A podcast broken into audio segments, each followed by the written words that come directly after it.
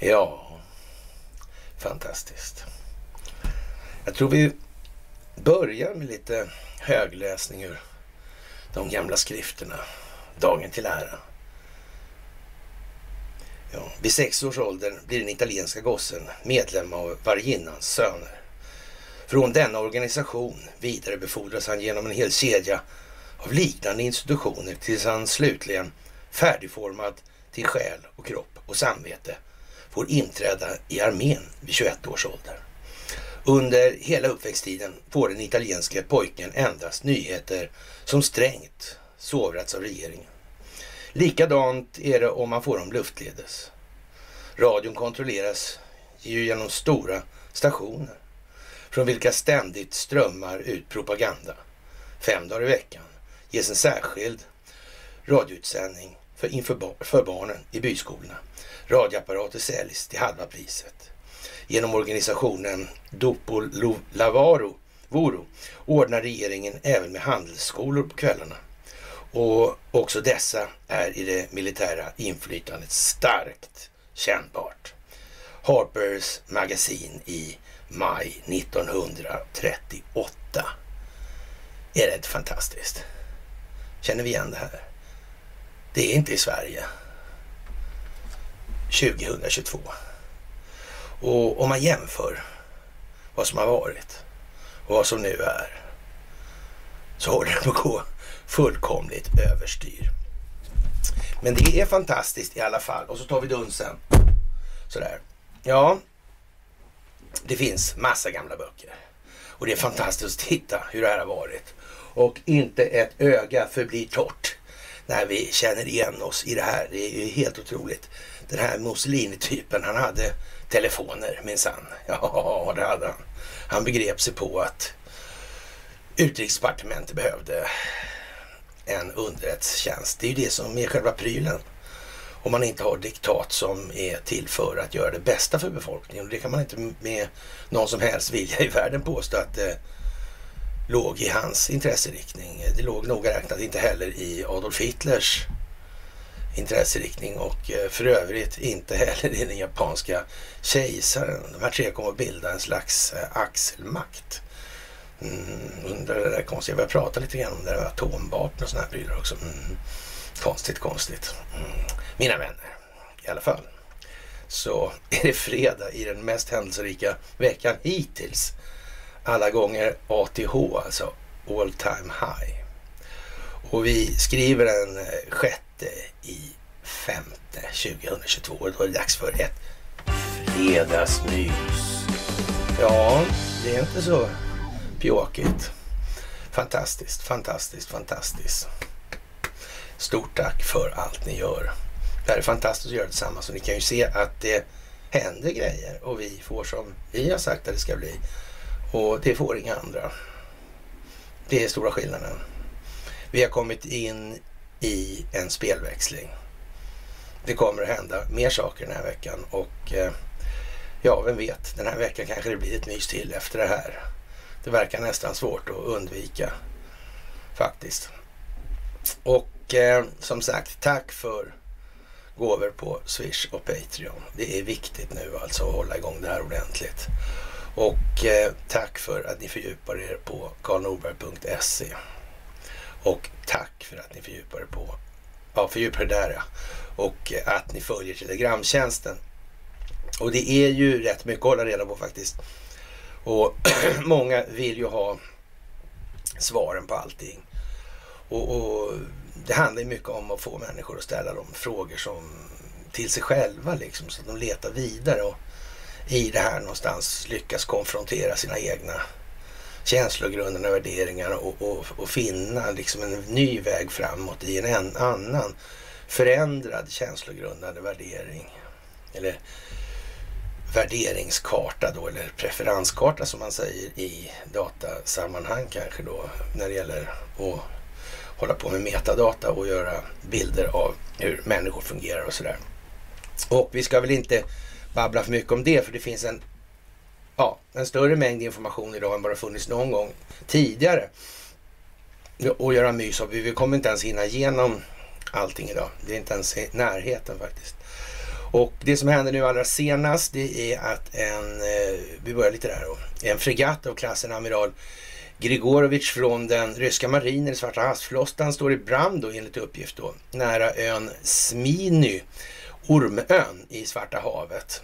Och var noga med de här namnen och signalvärdet, värdeladdningen i de här sammanhangen, speciellt i de här tiderna när man måste lära människor att så att säga läsa mellan raderna och framförallt då tänka själva i det här. Det är ju det hela den här folkbildningsinsatsen går ut på som vi befinner oss i, alltså jordens genom tiderna största folkbildningsprojekt som bygger då på en amerikansk stingoperation i grund och botten. Där man ska då exponera till exempel ett valfusk i det som är västerlandets största demokrati.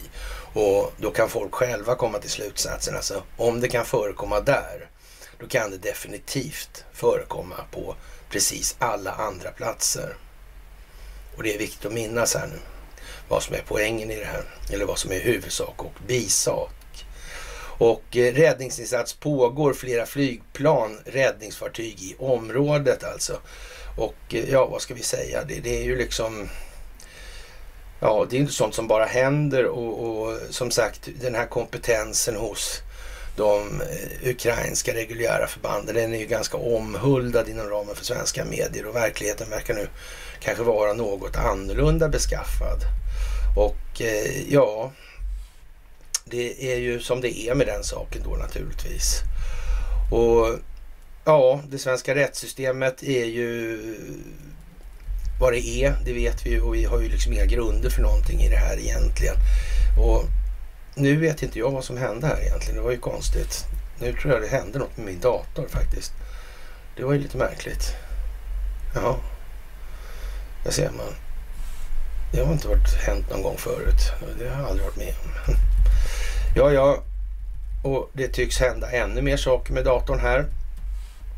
Men det där kan vi hoppa över i alla fall. Och eh, det som har hänt är att Sverige har ju naturligtvis tvingats att bete sig som vi gör. Och förmodligen så kommer vi få se ett historiskt anknutet exempel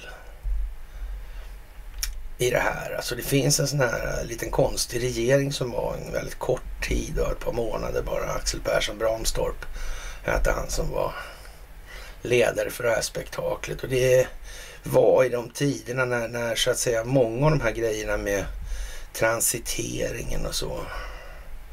Det var många saker med ockupationerna i Danmark och Norge som hade, var liksom i svang då. Det var väldigt konstigt allt det här. Och man ska inte bli förvånad om historien upprepar sig väldigt, väldigt, väldigt tydligt i det här nu. Och varför tar den Antony Blinken, den amerikanska utrikesministern, tar ett PCR-test? PCR-testet är ju inte tillåtet för någonting i sammanhanget Eh, i USA då längre. Han gör det ändå alltså. Innan han ska träffa Ann Linde. Gör han det. Och sen basuneras det ut över hela världen att han har fått, att han har fått covid. Konstigt. Ja, vad kan det här bero på? hon Linde hon är ju rätt så mitt i de här sammanhangen, säger jag. Jag vet inte, en sjukanmälan där så. Mm. För det är nu en gång så att den svenska politiska adeln har så att säga, rätt strama direktiv och en rätt stram regi för vad de egentligen får sysselsätta sig med i det här läget. Och det beror alltså på enklaste sätt på att eh, de har aldrig styrt någonting i något som helst sammanhang. Och alla vet att bankernas pengar styr den ekonomi som kontrollerar politiken och så vidare. Mm. Men där har också skett en konstig spelväxling här. Den skedde den 28 i fjärde faktiskt. Märklig grej alltså. För normalt sett är det ju så att det är den största så att säga och mest styrande centralbanken som leder så att säga det här tåget. Och, och sen så att säga, är, är det då ja, koordinerat till alla andra länder hur det här ska, spelet ska spelas och så vidare. Mm. Ja, ja. Och Ann Linde ligger på något vis i riskzonen nu för att drabbas av covid. Det kan man ju konstatera. Sen är det ju naturligtvis som det är med det här eller PCR-testet som är liksom en ren bluff. och så vidare. Men det är inte det som är själva frågan. Det här är ju frågan är varför väljer man opinionsbilda som man gör då? Det är uppenbarligen man tar sikte på något annat eftersom man går ut med det här. Det hade man ju inte behövt basunera ut över hela planeten att Antony Blinken hade fått covid. Det, det verkar ju bara oroväckande och det är ju sådana här grejer som är konstiga. Man måste reagera på det. Varför gör de så här för? Är det liksom... Och, och då naturligtvis tror de här, många av dem tror att ah, covid är inte borta, den kommer hit och dödar oss alla. Och, och, och, så här, det gamla vanliga skiten alltså. Men, men nu är det en gång så alltså att det här är en stor teater. Och ingenting annat. Och så har det alltid varit. Och inte på något annat sätt. Ja, och eh, då får man hoppa någonstans nu då i det här. Och, och vad är den stora grejen då i det här? Och det moderna kriget ser ju ut som det gör där med sin största beståndsdel, de där 80 procenten som handlar om det här informationshanteringsdelen. Alltså, så att säga. Det, det, är någonting som är viktigt med det där alltså. Och där har de ju haft tillgång då till alla medierna och det har ju varit lite grann som det vi var inne på först, alltså med, med Mussolini. Han hade tänkt sig det också. Han hade liksom kontroll över det här jallarhornet, liksom, eller kattlaluren eller the bullhorn. Det var ju så. Det var, kunde vi se. Det här var, det här var ju väldigt länge sedan. Alltså det, eh, och det var likadant då alltså. Det var ju liksom samma mekanismer. Det var liksom det. det var själ och så formades på det sättet. Alltså moralen anpassades till att passa det här systemet. Mm. Och vi kommer ju ihåg den här eh, sa saudiske prinsen Al-Awid då eller Al-Walid som tyckte att det var rätt så dåligt med det här med ja, Elon Musk och, och, och köpa Twitter och sådär. Mm, och man måste ju ha kontroll på den här 80-procentiga delen för annars spelar de andra ingen roll. Liksom. Har man opinionen med sig kan man göra vad man vill. Har man den inte med sig kan man inte göra någonting alls. Alltså. Då får man alla människorna emot sig och då har man ingen som helst chans. Och det här måste man minnas i det här. Och den här veckan blir ju episk då och i Saudiarabien så gäller det då någonting som visar sig här nu. Det är verkligen att Mohammed bin Salman han bestämmer där ordentligt. Och eh, den här eh, andra nya, eller den här prinsen då som tyckte illa om Musk då, han, han, han gjorde en 180 grader eller ska vi säga så här kanske istället? Att det kanske han inte har gjort ens. Det kanske är så att han var med på tåget redan från början. För nu är det lite annorlunda i alla fall. Och eh, det här med Musk då alltså. Det är med Starlink och, och det är med Space Force. Mm. Vad kan det bli av det här alltså? Det är sådana här finansieringsproblem också. Men finansieringsproblem om prinsen här då, eh, Al-Walid, helt plötsligt är, är med i det här. Då blir det inga problem tror jag faktiskt inte. Det kan bli mycket bättre än så till och med. Speciellt i förhållande till de här eh, olika rörelserna på börsen. Det verkar ju som att den blir väldigt snuvig och skakig i börsen mellan varven. Speciellt Nasdaq av någon anledning. Mm. Det här med att korta aktier och sådär. Kan det vara sånt spel som ligger bakom det här? Ja. Uh. Det kan det vara. Va? Är man flera stycken inblandade i det här? Ja. Och naturligtvis är det ju som så att om det är någon som har hållit på så och drivit kurserna hit och dit för att tjäna pengar och skapa miljardärer. Då blir det oerhört förargligt om någon snor det verktyget alltså. Man snor stölden, stjäl stölden alltså. Mm. Det blir inte bra. Och om den här någon dessutom har tillgång till obegränsat med amerikanska statsobligationer. Mm. Då är det ju vad det är. Faktiskt.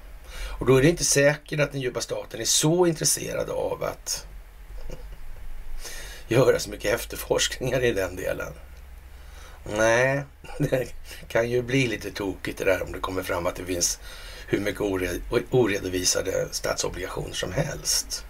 Det är så att säga själva kärnprimärkapitalet i hela det västerländska banksystemet. Man skulle kunna säga att det skulle bli lite förargligt, hastigt och lustigt. Mm. Ja, det är väldigt bra att ha sådana här statsobligationer utan redovisningsplikt nu kan man ju säga. Om man vill ha, vill ha ett land då som vill ha, om man är ett land som vill ha sekularisering. Då kan det ju vara jättebra att vara delägare i de här stora mediajättarna eller techjättarna. Det kan det ju vara.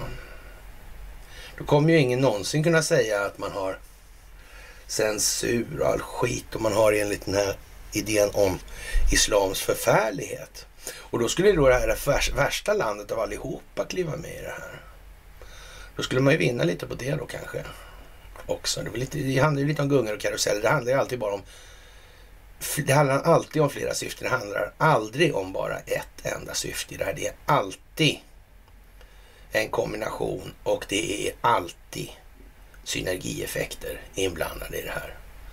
Av, alltså effekten av de här olika syftena i kombination alltså. Det är alltid, alltid, alltid så. Det är så man bygger upp strategisk planering. Det är inte sådär enkelt, ett steg och så vidare.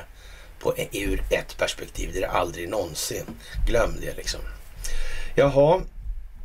Och det är ju trots allt så här att, eh, ja, eh, det amerikanska justitiedepartementet, det finns ju fortfarande i någon mån kvar efter Donald Trumps presidentskap. Och givet då att han faktiskt eh, hade tänkt sig göra någonting åt det här med drain the swamp och inte bara kackla det.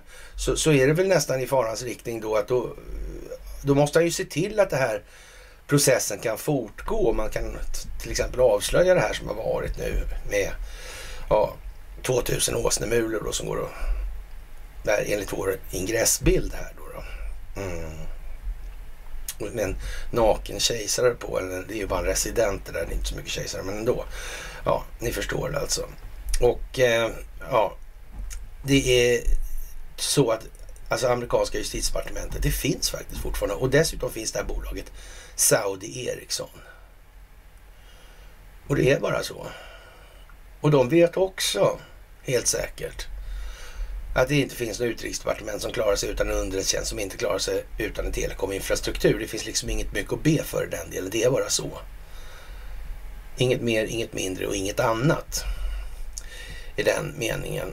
Och eh, den saudiarabiske investeraren prins Alawid bin Talat sa på torsdagen att miljardären, entreprenören Elon Musk kommer att vara en utmärkt ledare för Twitter eftersom han gick med på att rulla in sin andel 1,89 miljarder i dollar i affären istället för att ta ut pengar. Men nu var det ju frågan från Musk var ju då liksom, har du några aktier? Eller är det någon annan i Saudi som har aktier? Vet man egentligen hur mycket det här är?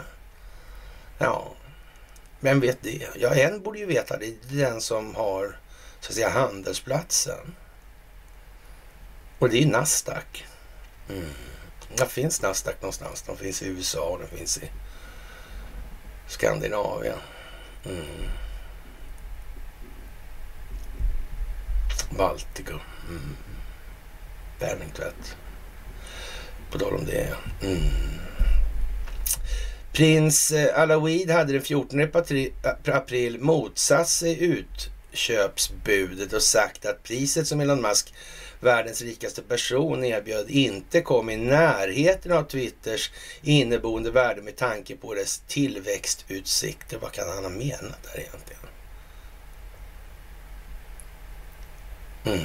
Tänk om den galna arabvärlden helt plötsligt får fri tillgång till Twitter. Då skulle man kunna snacka om att man kan se synergieffekter i upplysningens tecken, ljuset av verkligheten. Så skulle man kunna tänka också. Mm. Det verkar ju inte så dumt om det skulle bli så. Nej, det vet inte vi, men vi kan ju i alla fall se att eh, det skulle kunna ligga i farans riktning och ja, det verkar ju inte alls så pjåkigt. För han har väl sagt den här Mohammed bin Salman att det här med sekularisering, det är bra. Han har gjort sån, ja, sådana insatser i det där så det har fullkomligt försvunnit ifrån de gamla hedliga prostituerade. Det är de riktiga ludren alltså. Mm. De kan dagtinga med sin moral alla dagar i veckan, hur som helst. Ja, ja, det är ju trevligt sådär.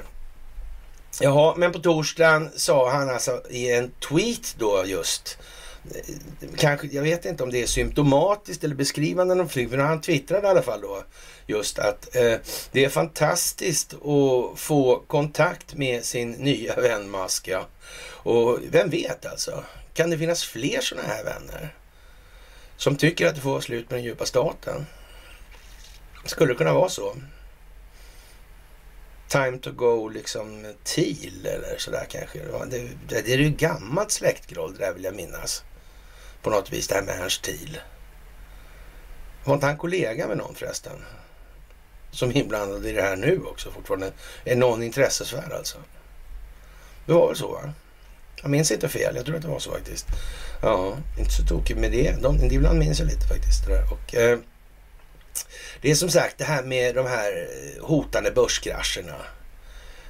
Det är ju liksom den som styr den här marknaden och kontrollerar handelsplatsen kan ju göra sådana här grejer. Och dessutom om man så att säga kontrollerar stora innehav. Men nu är det ju, problemet är ju det där med amerikanska justitiedepartementet som utövar en viss kontroll över ett visst telekombolag.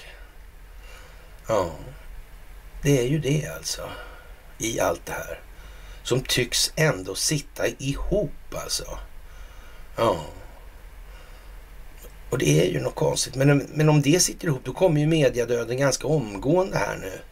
Och, och även om inte så att säga, den här förvärvsdelen i sig spelar ut sig på så vis så är det ju trots allt så att det räcker ju som jag sagt tidigare att då Elon Musk twittrar lite.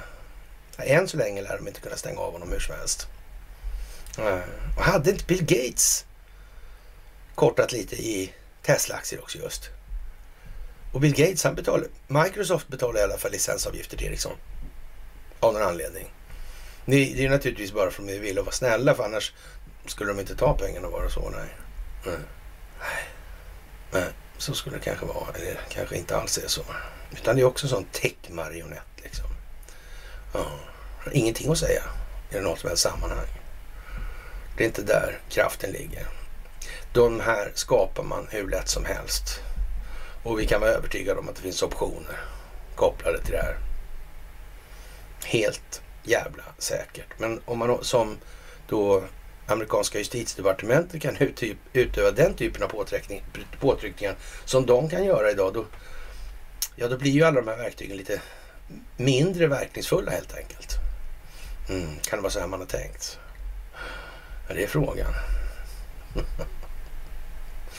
ja, ja. Jaha. Och den här mediadöden den kommer som sagt komma som en befriare av, eller för många i det här. Det är många som är otroligt trötta, stressade och ledsna över sin tillvaro nu. Det är alldeles säkert. Så det är väldigt, väldigt många som kommer må väldigt mycket bättre också inom kort. Och allt färre kommer att må allt sämre. Så är det också. De får liksom bära summan av vad de har ställt till med helt enkelt. Ja, om vi kommer tillbaka till det här, för det blir ju liksom som att hoppa runt jorden då, varv efter varv då lite grann. Och eh, man eh, har ju, eller vi har i alla fall då pratat väldigt länge om det här med vad är det som ska hända med EU, vad ska hända med NATO, vad ska hända med Israel sin nuvarande form av tappning och hur, så har vi beskrivit de historia, historiska bakgrunderna kring det här och de här eh, sviten då som finns på Free People's Movement den tuggar ju på nu ordentligt och börjar komma upp i lite siffror här. Och den har ju varit upp en hel månad då nu från första avsnittet och det får man ju säga på 11 avsnitt är är ju rätt så starkt jobbat alltså. Det, det är ju bra. Alltså det, ja, och det här är alltså Sverige vi befinner oss i och där har vi det så att säga mediala klimat vi har. Och vi får inte, det är liksom inte hurra, skjut och blås för vårt vidkommande direkt. Och eh, i EU då säger man från rysk sida nu att rösträtten kommer att berövas miljoner människor i Europa. Deras stater kommer äntligen att förlora sin suveränitet. Frågan uppstår, vem kommer att vara ansvarig gentemot medborgarna i ett visst land om i händelse av stigande priser, arbetslöshet, problem i ekonomin som ett resultat av beslut som fattas utan att ta hänsyn till dessa åsikter. Och eh, ja, vad ska man säga? Vi kanske ska akta oss lite för det här med EU nu då. Sådär i den meningen. Och det är kanske inte bara Sverige då, utan det kanske är fler länder som ska göra det. Och det kanske till och med löser sig själv i de här sammanhangen. Det kan ju vara så vist ordnat liksom. Mm. Och tänk nu, kom ihåg på den här Persson Bramstorp regeringen. Ta och googla upp det där lite grann nu här. Mm.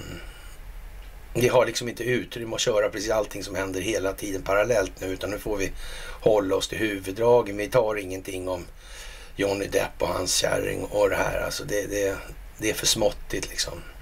Bröd och skådespels industrin den får folk har förstått existerar nu så det blir liksom inte så mycket mer i den delen.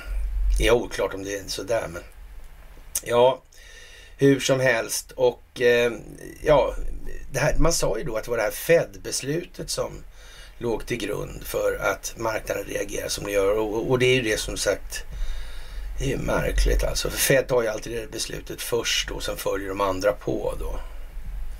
Så har det alltid varit liksom. Det är ju liksom den gängse gången. Ja, fast det kan ibland bli lite annorlunda sådär. Och, och det är en sån grej som många undrar över hur det där kan komma sig. Alltså. Och, och, i det här läget nu speciellt då, där vi befinner oss där man håller på att tappa kontrollen över Jallarhornet, alltså eller Katla-hornet, Katlaluren eller sådär. Ja, det är det ju. Så. Det är lite nazistiskt, på tal om Astrid Lindgren. ja, jaha, och eh, viktiga sidor som tillhör vårdinstitutioner i Australien har blockerats av Meta enligt en grupp visselblåsare som tidigare jobbat för Facebook. Detta var i samband med konflikten kring nyhetsinnehåll i landet förra året. Och det här är ju konstigt, Meta, är inte de på den här teknikbörsen? Men eh, den här Alva Liddy, har inte han pengar att köpa det också då? Jo, men då är det ju bättre om det blir billigare först kanske. Och så kan ju alla andra köpa in sig i det där också. För det finns väl ett sån där uh, memorandum of understanding va? som han, Mike Pompeo åkte runt. Men vi tog upp det här redan på den här föreläsningen vi hade i Trosa. och Det börjar bli åratal sedan alltså. Mm.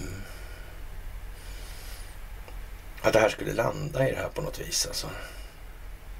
Ja, konstigt. Ja. Och redan 16 var vi på det här med att man ska inte ha George Soros som bakomliggande ägare till de här Dominion-maskinerna. Ja, går, tiden går alltså. Ja, man får hitta nya vägar för att förklara det här på varje vecka. Ja, ja, ja, ja, ja. fantastiskt alltså. Jaha, och eh, den 28 fjärde 2022 så höjde Riksbanken räntan och den fjärde femte 2022 höjer Fed räntan. Vad sitter det egentligen kärnan? Vem fan är det som bestämmer i det här egentligen? Mm. Hur går det med all den här aktiehandel och sådana här grejer? Och hur går det med jordens största marknad, valutahandeln? FX-marknaden. Hur går det med den om inte telekominfrastrukturen finns? Blir inte det lite knöligt? Det blir lite mer komplicerat än nu i alla fall. Va? Det tror jag. Det är nog bra att komma ihåg det nu faktiskt. För det här går rasande fort nu också dessutom. Det är bra att tänka på. Andreas Cervenka, han har ju en massa saker att säga. Och dessutom blir han numera hyllad av Leif GW Persson. Och han kan man ju inte uttrycka vara något större moraliskt föredöme. Alltså han är en riktig gammal ja, filosofisk materialist i finger, ut i fingerspetsarna. Det ser man på hans uppenbarelse redan där alltså. Det är ingen som kan tveka på hans, så att säga, eller att han har varit under visst inflytande av dödssynderna, så kan vi väl säga. Frosseri förefaller vara någonting som han inte har undvikit i allt för stor utsträckning i alla fall. Alltså. Så kan man väl säga. När man har skrotat rörelseapparaten och inälvor och hela skiten alltså.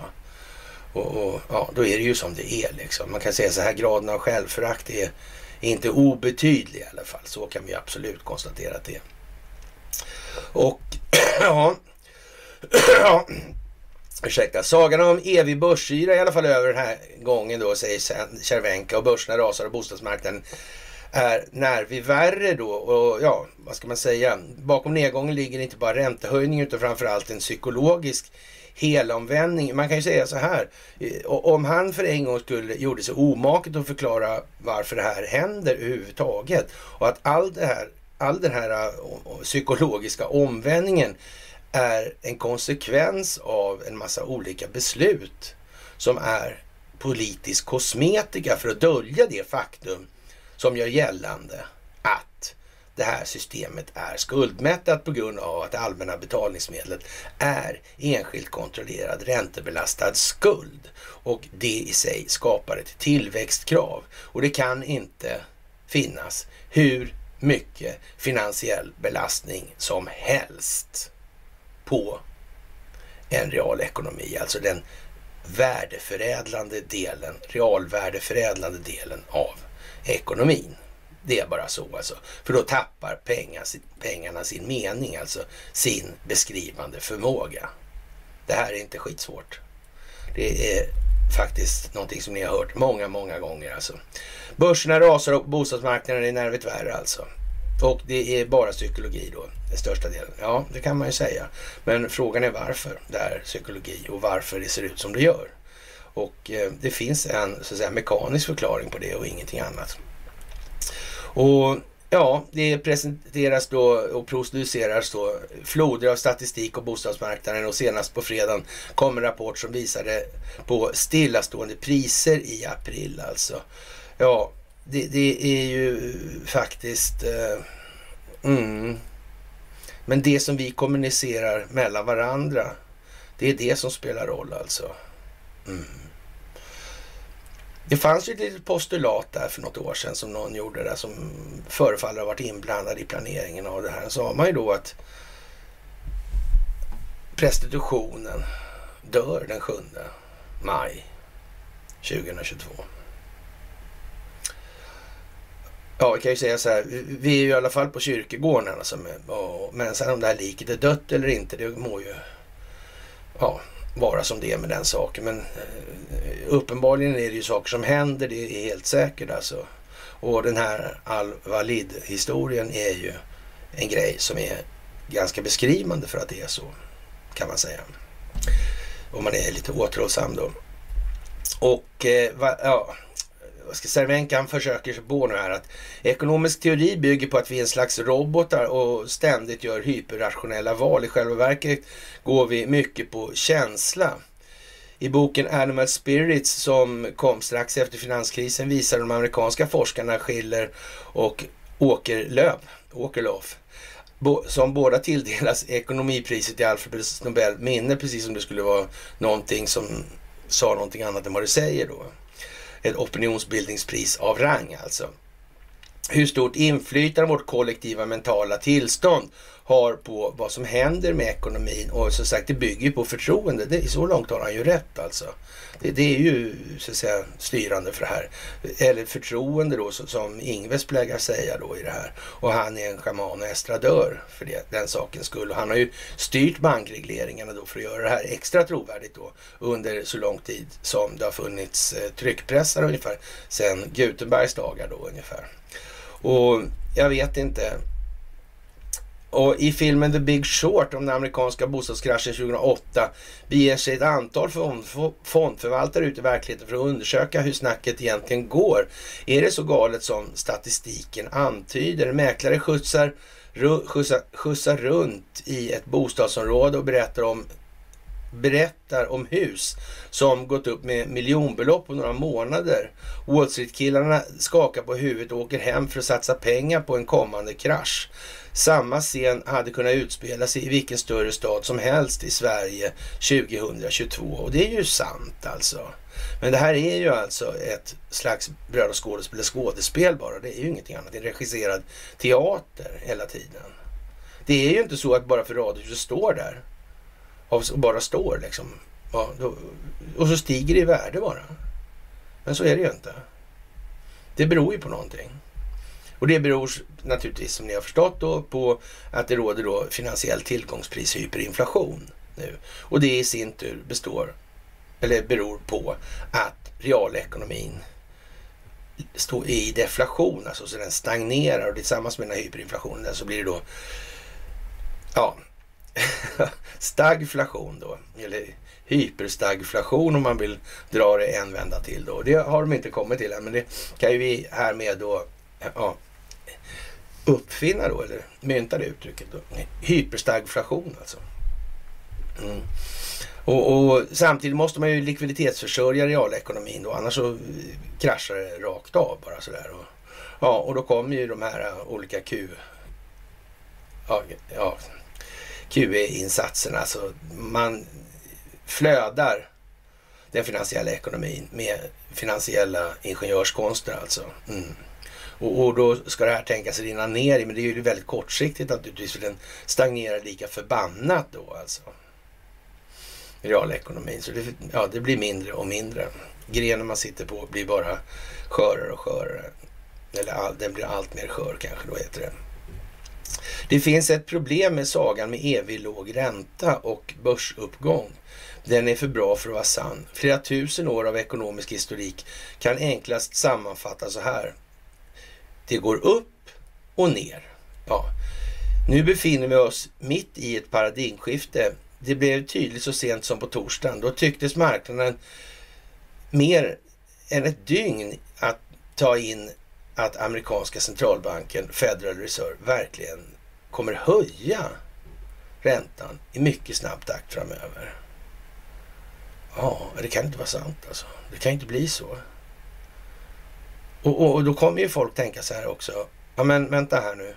Vi har ju lånat till de här och så kommer det här att höjas liksom. Det här kommer inte bli bra. Då måste vi, för att tjäna på det här, inte förlora på det här, måste vi sälja nu. Mm. Då är det alla mot dörren alltså. I det här. Och, ja, då finns, och det här kan man ju dessutom då manipulera då på Nasdaq och sådär. De som har kontroll över Nasdaq i alla fall. Och, och det är numera då amerikanska justitiedepartementet. Sen november 19. Mm. Eller tidigare än så också naturligtvis. Men, ja, i, i offentliga termer i alla fall. Mm. Ja, och då finns det nog rätt många miljardärer som kan tänka sig att men, han finans, eller finansiera e- Elon Musk. Eller kliva med i det där. Det verkar vara en bra idé. Bättre än det andra alternativet i alla fall. Mm. Så kan man ju tänka. Men det är inte sagt att det är så. Men eh, någon skulle ju kunna tänka så i alla fall. Ja. Och eh, tekniktunga Nasdaq, alltså har nu tappat nästan en fjärdedel av sitt värde sedan toppen i november.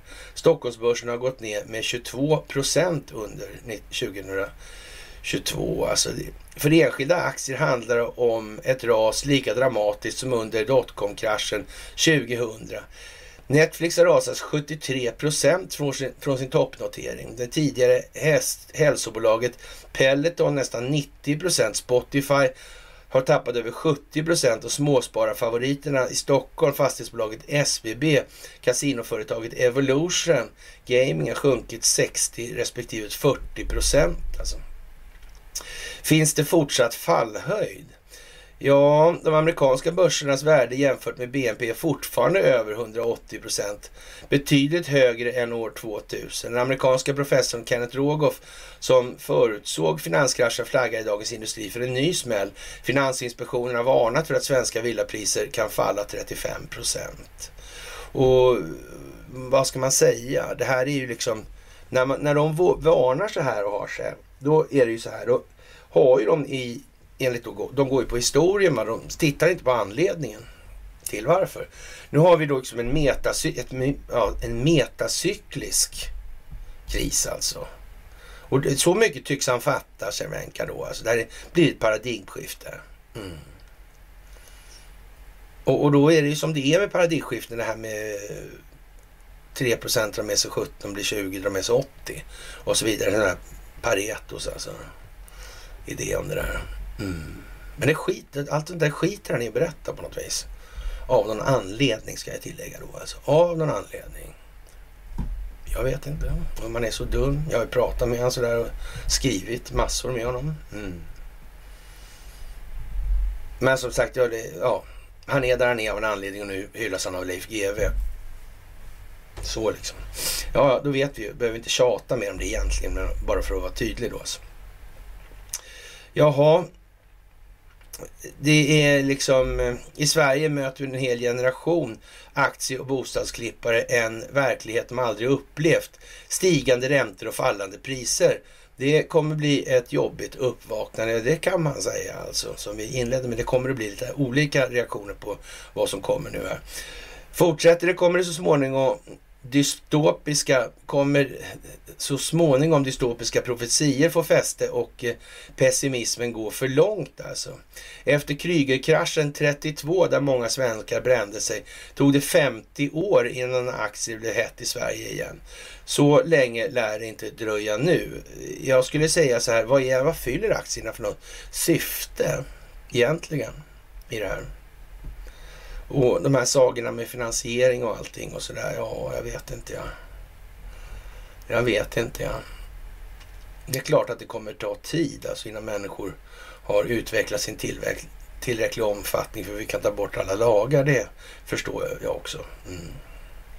Men jag vet inte just om finansmarknaden är någonting som ska existera i någon större utsträckning på ett tidigt skede redan. Nej. Vi får hoppas att det aldrig behövs igen helt enkelt. Att tjäna pengar på pengar, det är liksom ingen... Det är ingen bra grej. Alltså, det tenderar att växa. Det tenderar att växa. Och då kan man väl säga så här då, hur stor ska finansmarknaden få vara? Vilka ska få sitta och roffa åt sig på det sättet? Och varför? Vem bestämmer det? På vilka grunder? Mm. Kanske vi ska ha enskild nytta, ett försvar. Mm. Vi lägger det stora våldskapitalet i händerna på en enskild part. Vi läste just om en kille här i början. Benito Mussolini. Verkar det vara en bra idé eller? Fattar Andreas Jarenka det? Jag är inte så säker på det. Det verkar vara för många steg alltså. Och jag kan påstå att jag kan, jag kan inte för mitt liv tycka att det är särskilt många steg. Jag förstår inte riktigt hur man kan uttrycka sig som han gör. Eh, det är ju något allvarligt fel på karln i så fall. Ja, nej jag vet inte. Men jag ska inte säga varken bu eller bär i det, för det vet jag inte faktiskt. Men Förr eller senare är det dags för nästa uppgångsfas i, i nya och, och, nya berättelser om snabba vinster och, och, där är vi inte än, alltså avslutar han med. Ja, jag vet faktiskt inte vad han... Om man tänker man ska ta det här på allvar, då man bara alltså skrattar liksom åt det. Det verkar hur som helst konstigt alltså. Ja, och vad ska vi säga om den där historien med eh, Orban i Ungern där alltså. Mm. Enligt Ungern och premiärminister Viktor Orban innebär EU-kommissionens nuvarande förslag som bland annat innehåller ett importförbud mot rysk olja en atombomb för den ungerska ekonomin. Ungern kommer därmed inte att ställa sig bakom EUs nya sanktionspaket mot Ryssland, skriver Reuters. Jaha. Mm. Blir det bra för EU? Ja. Hur fan blir det där egentligen med Polen? Vi kommer tillbaka till det alltså. Det verkar inte heller bli så jävla bra för... Eh, det verkar vara nazistiskt. det är mycket snack om de där nazisterna nu alltså. Ja, jag vet inte. Och eh, ja, även i Harrets hade man ju under 2017 massa om det här med eh, ja, nazismen i Sverige och hur det här har hållit på genom åren. Alltså det är ju helt otroligt. Och man, man måste ju någonstans säga så här, men de väljer att gå liksom runt det här lite grann fortfarande. 2017 såklart alltså. Så det är nu ja, fem år senare så. Men det måste, de måste börja då. Nu har de kommit mycket längre i det här. Rent av verkar det vara så att många av de här människorna i Israel förstår att den här religionen de anser sig tillhöra eller inte tillhöra men vara då judar ändå på något konstigt vis som de inte själva kan förklara eller begriper. Det är ju liksom som det är nu här. Men, men lurade verkar de ha blivit rätt så ordentligt. Rätt så ordentligt grundlurade till och med. De har exploaterats kors och tvärs in, ut, upp och ner och bak och fram. I de här sammanhangen. Mm. Det har de gjort. Mm. Men fortfarande i det gänget alltså. Det finns många som tycker sig tjäna på att göra så, Hålla på och hålla fast den här kulissen. Ungefär som en del tycker att det är bra att odla Hitlermyten. Mm. De har ju sin födkrok där. Fantastiskt. Men det är inte så bra för alla. Det är trots allt ett enskilt intresse där på något vis. Och det verkar visa sig. Ju mer globalismen växer, desto mer global blir kommunikationen. Och det är inget plus om man ska hålla på med diktatur. Nej. Och diktaturer, det är vad det är. Men alltså, och så kommer jag, det är därför det blir lite lustigt med de alla de här komiska då att, ja nu kommer schwabben liksom. Mm, nu ska vi ha deras klimatagenda. ja då. Jaha. Men det, är alltså, det, det ligger noll sekunder analys bakom ett sånt uttalande. Det är värre än när de här ger sig på militärstrategiska överväganden. Det, det är liksom helt otroligt alltså. När ska man ha kärnvapen egentligen och varför? Ja. Ja, ja, ja, ja, ja, ja. Jaha, Ja, vad ska vi säga? Herr Tingstens efterföljare, herr Tingsten, redaktören, han vill, han vill själv bestämma var de primitiva känslorna just nu hör hemma. Ja. Han prisade Germania han. Mm. Ja, som sagt. Bannlys konspiratorisk tv-kanal sänder i öppna kanalen Kremls narrativ alltså. Och det här är Dagens Nyheter. Det handlar om Sweb-TV då som har sänt då i någon sån här, um, ja vad heter det? Eh, jag kommer inte ihåg vad det heter. Jag postade det flera gånger idag dessutom. Och ja, vad ska vi eh, säga om det? Alltså det, det är... Eh, ja, alltså öppna kanalen då som går för en och en halv miljon tittare. Där har man kommit in då av någon anledning. Ja. Och jag gjorde med omaket då, snyta och höll upp sig med. Mm. Och eh, det är det är bara för att jag har det jättekallt i det här rummet. Men varför snyter mig hela tiden? Jag är faktiskt inte förkyld. Så. Men eh, det blir sen jättevarmt sen i sommar. Så det. Men nu är det kallt och skönt det här med Sweb-TV alltså. Och, och, jag gjorde omaket alltså titta på ett sånt där avsnitt då med eh, Vilgert och den här eh, Magnus, eh, vad han heter. Och det där är ju liksom någonting helt udda alltså. Och man måste ju säga så här, det är ju jävligt märkligt då kan man säga att hur kommer det sig att DN kör ut det här nu? Är inte han Peter Wolodarski på DN? Jag för mig det. håller inte han på med agendasättande journalistik alltså? Ja. Ska det här då som han slänger upp här nu då i DN, den här artikeln då, ska det föreställas och motverkas webb-tv då? Är det det han säger? Vill jag, han vill göra det gällande alltså. Mm. Samtidigt som det här händer nu här i Sverige, då händer det någonting annat någon annanstans. Vad händer då? Jo, då har den här filmen 2000 Muler premiär i USA igår kväll och i tisdags kväll. Mm. Mm -hmm. Och det visar sig att Fox News, de tar inte upp ett skit av det här. Nu har den här folkbildningsprojektet, det där folkbildningsprojektet, alltså de här opinionsbildningsinsatserna tagit ett steg. Alltså det snackar vi, det är en ny, det har varit spelväxling alltså. Nu handlar det inte om att beslå de här medierna som vi hör tutar och den här jallarhornet och så här med lögn. Ja, det är överspelat, alla förstår det liksom. Och, och så. Nu handlar det istället om vad är det man inte säger? Det är det det handlar om nu. Pratar man om skuldmättnad? Pratar Andreas Jarvenk om det? Pratar han om ackumulerad räntekostnadstillväxt? Pratar man om ja, militärstrategi överhuvudtaget i någon, ut, eller, ja, någon omfattning värd namnet? Gör man det? Pratar man om atomvapnet och vad det egentligen innebär? Pratar man om atomvapnets historia? Pratar man om atomvapnets betydelse för det kalla kriget? Pratar man om atomvapnets betydelse för kärnkraften? Pratar man om de här sakerna? Varför gör man inte det för? Det är inga saker man behöver prata om. Alla vet redan allt om det där. Ja, men det är ju det här som är så konstigt. Om man börjar titta på det där så ser man att det här vet ju inte alla andra alls. Det är ju inte ens nära. Och dessutom verkar det som att det här kan ju påverka situationen diametralt. Vad konstigt. Det verkar som att de har gjort det här precis liksom för att det ska bli den omvända effekten. Ja, och eh, bannlyst konspiration, konspiratorisk tv-kanal sänder i öppna kanalen alltså.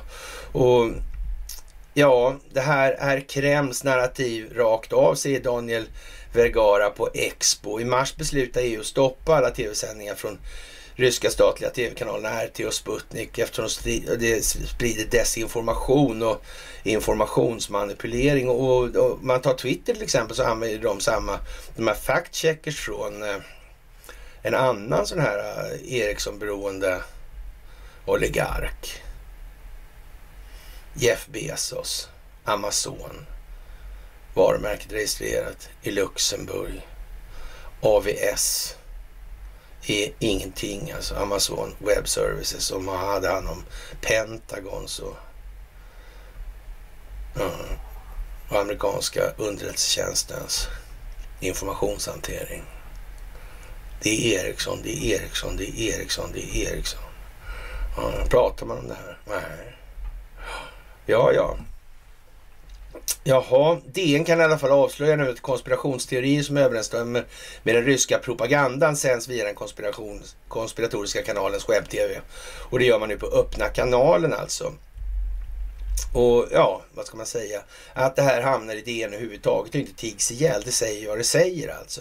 I förhållande till vad Peter Wolodarski uttryckligen har sagt. Han är alltså efterträdare till den här herr Tingstens redaktör, redaktör som själv vill bestämma var de primitiva känslorna hör hemma. Han vill ju forma människors känslogrundande värderingar. Precis som Benito Mussolini gjorde, som vi läste upp. Det första vi gjorde alltså. Det är precis samma sak. Det är, här är inte jättesvårt alltså. Det är bara att jämföra vad jag säger nu och vad jag sa nyss. Sådär. Och så tänker ni efter bara sådär. Så är det ju faktiskt Och Det är ju jättekonstigt. Eller inte ett dugg konstigt alltså. Och det här är ju då men det här var Magnus Stenlund heter han. Jag, jag funderade på det igår när jag sett Jag har aldrig sett ett helt klipp. Jag har inte haft... Ja, det, det är ju som det är bara. Och jag såg den här liran då. Eh, Forstjossan där. Och, och eh, om Estonia där och det var ju lite... Ja, så, så han spårar ju fullkomligt. Så, alltså, så där, så, det finns ingen djup stat eller någonting. Alltså, nej. Men fine liksom. Ja, just inte i Sverige heller. Alltså, sådär. Ja, det, sådär i alla fall. Men, men så blev det liksom lite, det är lite halvjönsigt det där tycker jag med, med vad de håller på och snackar om. Det, nivån är ju liksom, det är lite bebis. Ja, men, men han Stenlund där, jag fick faktiskt för mig det. Han är nog inte helt obildbar i så sammanhang. Men, men så fick jag eh, höra i en fågel kvittra om att han hade väl varit analytiker på SCB någon gång också. Det blir ju kanske lite mindre bra helt enkelt i de här sammanhangen. Och han verkar ju då föga intresserad av det här med skuldmättnad och ränte, ackumulerad räntekostnadstillväxt kan vi ju säga och så att säga metoden Eh, bakom hur det allmänna betalningsmedlet skapas och vilka nyttotagare som finns i den, den ändan då så att säga. det där verkar inte vara hans grej riktigt. Det är ju kanske inte, inte skitsmickrande då. Alltså det, det kan jag inte säga att jag tycker. Mm. ja, det var ju lite sådär kanske. Och eh, man sänder på här då och, och det ena gått igenom delar av sändningarna som den ryska invasionen av Ukraina i februari. Och det, jag hörde på det där igår faktiskt. Och där har han ju vissa poänger, det ska jag ge honom. Och, och, och sen kan man väl säga så att de militära övervägandena eh, är väl kanske inte sådär Eh, alldeles sådär glasklar om man säger som så. Varför gör man? Och han kanske inte kan så mycket om olika skeden då, liksom det förbekämpningsskede och, och, och så, ja, diversionsskede, förbekämpningsskede och sen någon form av genomförande av fötter på marken eller sådär. Jag vet inte om man har koll på sånt där, men det spelar roll då. Det, det blir ju lite konstigt i alla fall. Och eh, den kände klimatskeptikern Lars Bern då som, ja, han, han tycker att det ska bli ett kärnvapenkrig hela tiden har han tyckt så länge jag har hört talas om honom då. Och, och han har ju då ja, dessutom uttryckt sig om undertecknad då er undertecknad här alltså, i, i olika invektiva former och sådär lite, ja, sådär lite halvjönsigt då. antisemit och sådana grejer. Och det, det känns ju liksom som att hans men han är kanske bra på någon sån här naturfråga eller sån här miljöfråga eller något, jag vet inte. Men, men ja, ja, Eh, det saknas så in i helvete med eh, delar där så det liknar ju ingenting. Va? Och då har vi inte kommit in på... Det, hela det här gänget är, kan man väl säga så här, det, det är ju liksom inte några moralfilosofiska giganter då om vi säger så. så ha, ja, då vet man ju så här, samtidigt så ser man det, eller när man ser det, då vet man ju att då är utgångspunkten för hela betraktelsen fel. Då vet man ju att det kommer ju aldrig bli snack om och, och om det ändå är det egna nyttotagandet som är det primära, då tror väl fan att det ska vara ett system som är till främst för egna nyttotagandet. Det blir ju liksom helt... Ja, så måste det vara alltid. Och det där är ju liksom en sån här... Ja, ja men då... Man får väl titta sen någon gång och se om de kanske har kommit någon vart i den meningen. Men har man sett det ställningstagandet då spelar det andra inte så stor roll. Liksom. Om det så gäller då eh, det moderna krigets beståndsdelar eller vad det gäller. Det är där någonstans måste man säga, vad, vad, ska, vad är syftet med det? Ska jag tjäna på det här? Eller, eh, vad är det för någonting? Alltså, är det att vi ska bygga ett samhälle tillsammans kanske? Då måste ju faktiskt så, så att säga, ja, den moralfilosofiska grunden, det måste vara någon form av intellektuell emotionell orientering. Det kan inte vara filosofisk materialism som är grunden då. Och det här är ju en gammal kontrovers och jag är inte sådär alltigenom fullt övertygad om att de här herrarna är riktigt hemma i de sockerna helt enkelt. De verkar mest ha skit i sockerna fulla numera. Helt enkelt. Inte bara i blå skåpet alltså. De verkar ha skitit ner sig totalt alltså. Och eh, ja, Swebb-TV lär ska inleda dem att vi är emot det här kriget och, och som sagt och, men utvecklar sedan vad det är som de anser om förhållandena som råder. Och ja, vad ska vi säga? När Lars Bern kom militära eh, kommentarer kan vi väl skita i egentligen. Och eh, som jag såg det, jag tyckte faktiskt att han, eh, fan jag kommer inte ihåg vad han heter, Magnus i alla fall. Ja, nu. Och eh, jag tycker alltså det, det är okej, det är ingen så, så, ja, klar och skarp analys, det är det ju inte. Men, men alltså han är ju rätt, näsan åt rätt håll i alla fall. Och, och då kan man ju säga så här också, vad fan. Eh, de här 80 procenten, det är rätt många procent alltså i förhållande när det gäller då eh, så att säga paradigmskiften. Alltså två drar med sig 17 som blir 20 eller två drar med sig 17,5 eller tre drar med sig 17 som blir 20 säger vi, så blir, och drar med sig 80 då. Sådär. Ja, någon gång i tiden var det 2,7 i alla fall. Ja. Man kan sitta och bråka om det. Men i alla fall. Då, eh, då alltså. Jag vet inte. De, de, man måste ju acceptera att alla kan inte fatta allting på en gång. Vi kan inte ta bort alla lagar och regler på en gång. Det innebär att en, det måste finnas en rätt så ansenlig mängd diktat eller lagar eller förordningar eller vad man väljer att kalla det för någonting. Regler alltså. Som får, människor har att hålla sig till i det här. Eller förhålla sig till. För att det här inte ska gå överstyr totalt alltså. Och att människor med en jättestor filosofisk materialistisk orientering ska så att säga ta för stora fördelar i anspråk. Det kommer att bli helt galet tråkigt alltså. det är då de här krigsherrar och annat otyg dyker upp. Och det vill ingen ha egentligen. Och då pratar han alltså globalister mot nationalister och det är i någon mening kanske rätt då alltså. Och ja, vad ska vi säga? Det är ju... Det beror beroende på liksom att va, varför är det så då egentligen? Och därför att eh, nu ska vi inte snacka om nationalister, för nation är alltså ett stambegrepp och där kukar det ur. Liksom. Det handlar om en konstitutionell grund av någon form som måste existera. Och det måste bygga då på antingen, i, om man ser i ren filos rent filosofiska termer, ska den då bygga på blod eller jord. Alltså antingen ska det bygga på stam, ja, eller också ska det bygga på terra då, alltså jord. Ja. Sangre eller terra är vad det ska bygga på. Det ena eller det andra. Och, och då måste man ju ändå vara liksom att ja, men jorden finns ju kvar så det verkar mera bra liksom om vi ska ha en långsiktig hållbarhet för det här så är det nog bättre. Och människorna kan ju flytta på sig också. Det, det verkar inte ens seriöst att, att beakta det här att, och, och göra som Israel. Det är ju faktiskt bara två stycken eh, exempel som finns i någon framträdande form i alla fall som, som har försökt sig på det här med stambegreppet. Då. Och i, I det ena fallet då så gick det ju inte så bra med det där och, och det tyska fallet. Och det andra fallet då, i Israels fall så är det någon form av teokrati alltså. Egentligen en religion i botten egentligen. Det är, inget, det är ingen folkstam. Och det är därför man sprattlar sig in i helvete för att behålla den bilden i sinnevärlden hos många människor alltså. För all den stunden försvinner alltså. Då, det finns liksom ingen sekulär religion. Vad är det för någonting? Det är ju motsatsförhållandet. Det är ju mitt, i, mitt emellan det liksom. Så det går inte. Och eh, ja, sen är det ju vissa poänger då som jag eh, tyckte igår då. då och, men det här upprätthållandet till hur man ska rädda sina egna tillgångar i haveriet för det hela valutafinansiella systemet. För att det är skuldmättat. Det är kanske bättre att lägga energin lite mer på vad som faktiskt är orsaken i det här så att man kan bidra till att alla blir, själv kan bidra till att andra blir mer lösningsorienterade i det här. Och är det så, vi måste ha tillräckligt många alltså för att få det här paradigmskiftet. Jag har sagt det 30 gånger. Men de här tre måste bli 17, eller ta med sig 17 som ska dra med sig resten då. då. 20 ihop då.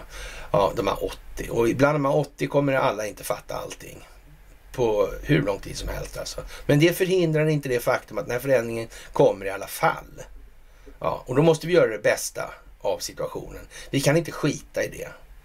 Och det kommer inte bli en fortsättning på vad som har varit. Det går inte heller. Alltså skuldmättnaden är ju vad den är. Tillgångarna i bankernas balansräkningar består av räntebelastade skulder. Och räntan kan inte betalas. Skulderna kommer att haverera antingen man vill eller inte. Det går liksom inte att komma undan det här. Och det spelar inte ens någon roll om man har sagt det länge och många gånger faktiskt. Jaha, och eh, ja, Daniel Vergara och Expo. Vi får väl prata med honom vad det lider i de här sammanhangen. Och eh, öppna kanalen sprider rysk desinformation och konspirationsteorier när de sänder det här. Alltså. Det är en ren propagandakanal. Just de här punkterna är kärnan av Kremls talespunkter som används för att försvara kriget i Ukraina.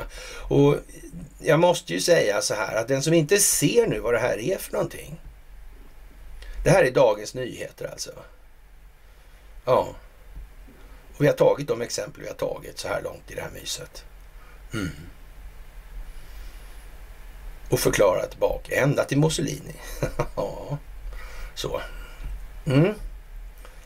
Och här menar man alltså på fullt allvar att någon ska tro på att det här tycker Peter Wolodarski är en skitbra idé.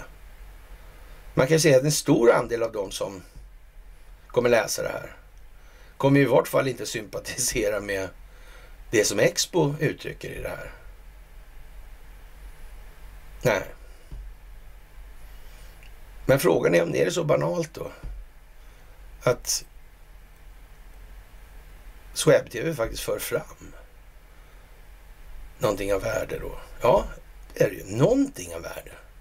Men problemet är att det har ju Fox också gjort i det här läget hittills. Men kanalen som sådan tänker inte ta upp valfusket. Där går gränsen. Där går gränsen. Den går vid den enskilda nyttomaximeringens tröskel. Utanför den tänker de inte kliva. Och det tänker man inte göra på webb-tv heller uppenbarligen. Man pratar om fel saker. Han Johan Sandvall var väl där va? Vad sa han? Varför pratar vi inte om djupa staten och Investor? Vad sa Wilgert då? då? Kanske ska fråga Wilgert det. Jag har någon mejl på det där faktiskt. Från Johan Sandvall. Mm. Han var alltid förr, för, för var han i alla fall en trogen föreläsningsgäst över åren. Det har varit under lång tid alltså. Ja, vi får väl eh, se vad det blir av det så långt då. Och eh, man, man, säger då från den här eh, öppna kanalens sida då att vi har yttrandefrihet i det här landet. Och eh, jag vet inte. Eh, är det så smart? Jaha, har vi? Men i det här läget, med den diskussion och den debatt som råder i förhållande till internetjättarna. Ja, allvarligt, är det någon som tror på det där? Jag menar om så att säga staten eller statsapparaten, statsförvaltningen och så vidare stödjer en verksamhet så är det en verksamhet som, för, som alltså underförstått förväntas stödja. Inte skälpa, förstöra, ja, förminska eller vad som helst. De som delar ut stöden, är det här jävligt svårt eller? Nej. Så det blir liksom... Eh, ja, och han är visst styrelseordförande också i, i ja, Sweb TV AB eller vad det hette då, är Lars Bern också. Jag trodde att de bara hade otur att jobbat åt Investor allihopa ändå då. Men det verkar ju som att det varit bättre än så alltså. Och, och det ena sökt Lars Bern genom Sweb TV det här. Och, och, det var ju många som tyckte jag skulle ta upp eller prata om det här och, och det är faktiskt eh, Eh, ja, det här är ganska viktigt att förstå nu. Liksom, att nu är vi i ett annat skede där. Det handlar inte längre liksom att hitta på att de ljuger om det ena eller det andra. Så sen, det handlar om numera att det, och därför jag säger så här, han Stenlund där. Han, han, har ju inte någon sådär jättebra analys, men han är ju rätt åt håll med näsan i alla fall. Va? Men nu är inte problemet det längre, utan nu är det problemet vad man inte tar upp i det här. Och, och jag menar, Vilgert har jobbat på Ericsson alltså. Punkt, slut. Det är bara så. Han måste ha tillräckligt med kontakter för att snoka fram något där. Helt säkert. Ja. Nej. Vad var det han sa? Att ja, vi, vi, man kan inte göra så helt enkelt. Och för övrigt så skiter han i allt. Han bryr sig bara om tittarsiffror sägs det då enligt andra initierade i sammanhanget. Som har pratat med honom om det här, varför det ser ut som det gör. Sen kan det ju vara teater. Det vet inte vi. Nej. Men hur som helst, det här har vi inte. Det här är precis i början på det här just nu. Alltså, så det här kommer ju komma massor om naturligtvis. Och, och det här har vi då tacksamt nog fått upp ganska stort på en gång. Och i ljuset av att det ser ut som det gör nu i vår omvärld så kan man ju säga att här kommer ju lite som på beställning då kan man säga sådär. Och eh, i eh, ja, Kina har man det här sociala kontrollsystemet sådär då. Och det, det, är ju så att de kineserna ska vakna till det. Och i den mån det inte är bra så då kommer de att säga ifrån. Va? Och det är det sista som Peking vill ha är social oro i det här. Och, och, man, kommer, man kommer släppa på det här när man är säker på att den djupa staten i Kina inte har tillräckligt med kraft och understöd utifrån från den djupa staten i USA till exempel. Det är så också. Ja, och eh, det är alltså vad man inte säger som är den stora frågan i det här folkbildningsprojektet nu inom ramen för den här Sting-operationen som är.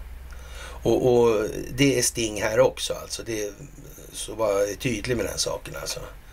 Det, det, är inte så att det inte finns planerat vad som ska hända. Det är inte det. Och det är därför jag tar upp det här med ja, den här Persson Bramstorp-historien alltså. Vad det nu blir av det här. Mm, det återstår ju att se, men alla har ju sett att det rör sig mycket militärmaterial längs vägar och sådana här grejer. Och som sagt, ett medlemskap i NATO skulle ju skapa en möjlighet att ta hit hur mycket militär som helst under fanorna av att Ryssland bullrar och tänker anfalla helt enkelt. Mm. Och när väl militären är här, då vet man ju aldrig vad som kan hända i USA med valfusk och annat. Mm. Och nu räcker ju de här swing statesen till då. Det var det ord jag inte fick fram förra gången förresten. Ja, nu, ja så att säga. Nu räcker det till för att vända det där valet. Mm. Och då undrar man, hur var det i resten av delstaterna då? Var det något folkfusk? där? Ja, jag vet inte. Det kanske det var.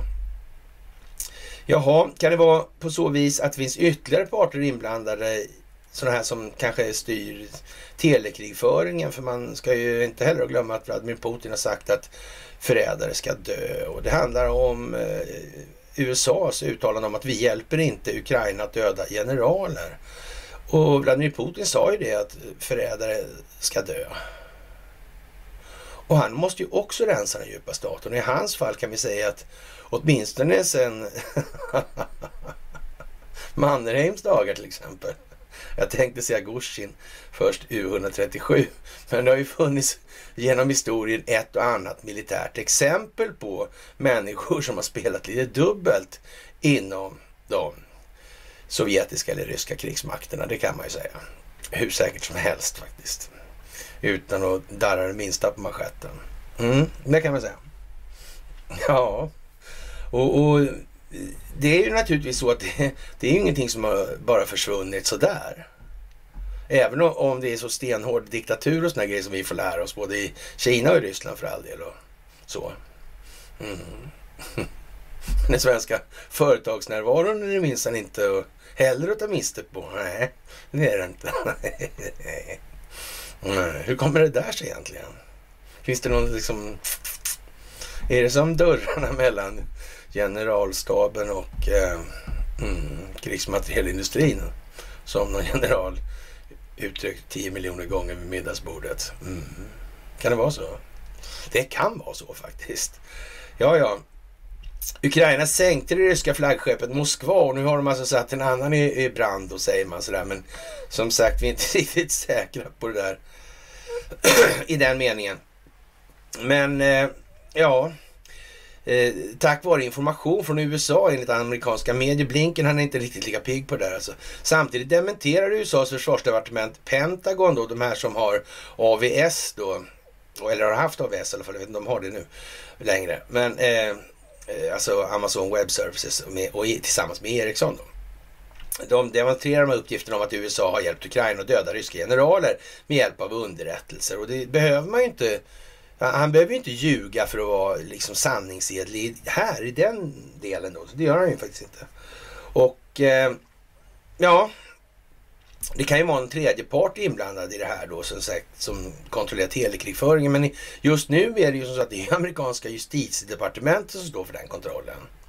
Och då blir ju situationen en lite annorlunda än vad den kanske kunde uppfattas som från början. Men det här kunde man ju, kunde man ju inte gå ut med i otid så att säga. Det går som farmor sa, då, det går ganska, det går väldigt många barn på, fattiga barn på Londons gator på grund av att deras föräldrar inte spelade trumf i tid och hon avsåg då när man spelade bridge om pengar alltså. Det var så. Mm.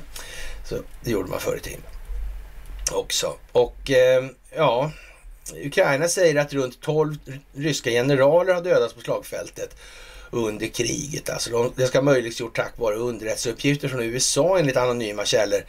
Ja, med insyn som har pratat med New York Times, alltså Salzbergers och, och, och som sagt, det, ja, man får ta det för vad det är. Som, sådär. Och det, det är klart att det, om det nu är militärer då som har då levt under förespeglingen av att de har varit alltså moraliskt föredömliga så har de naturligtvis sålt sig då och så vidare. Och därför har de förespeglats att vara extra föredömliga naturligtvis. Och då kanske de känner att det är lika bra att, så att säga, göra på det sättet som Ja, och, och, kan de hedra sin familj som det sista de gör då?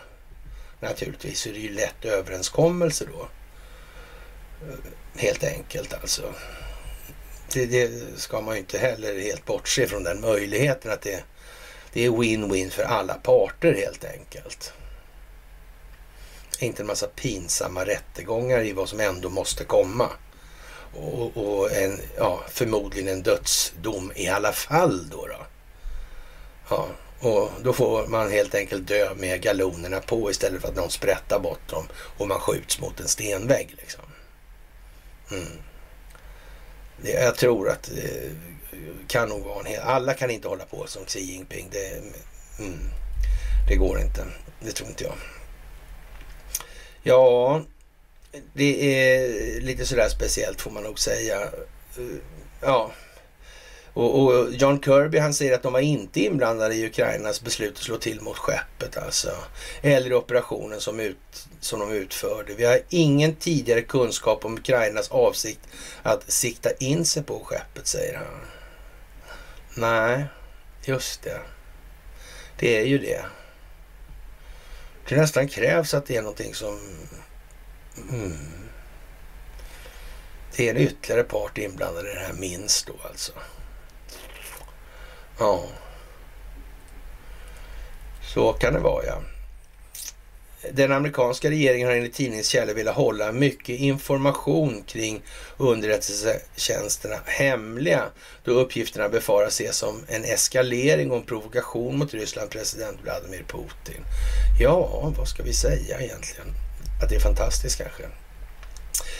Ja, och så har vi det här valfusket då med de här, alla de här åsnorna då. Och Arizonas justitieminister släppte Maricopa County 2020 interimsrapporten där och individer ska åtalas för valfusk i det här. Och då är det ju så att den här utredningen visar ju en massa saker och massa fusk och så vidare. Men den förbeser helt och hållet allt det här som den här filmen visar. 2000 mulåsnor alltså. Vad konstigt. Det verkar som att även den här äh, granskningsdelen i äh,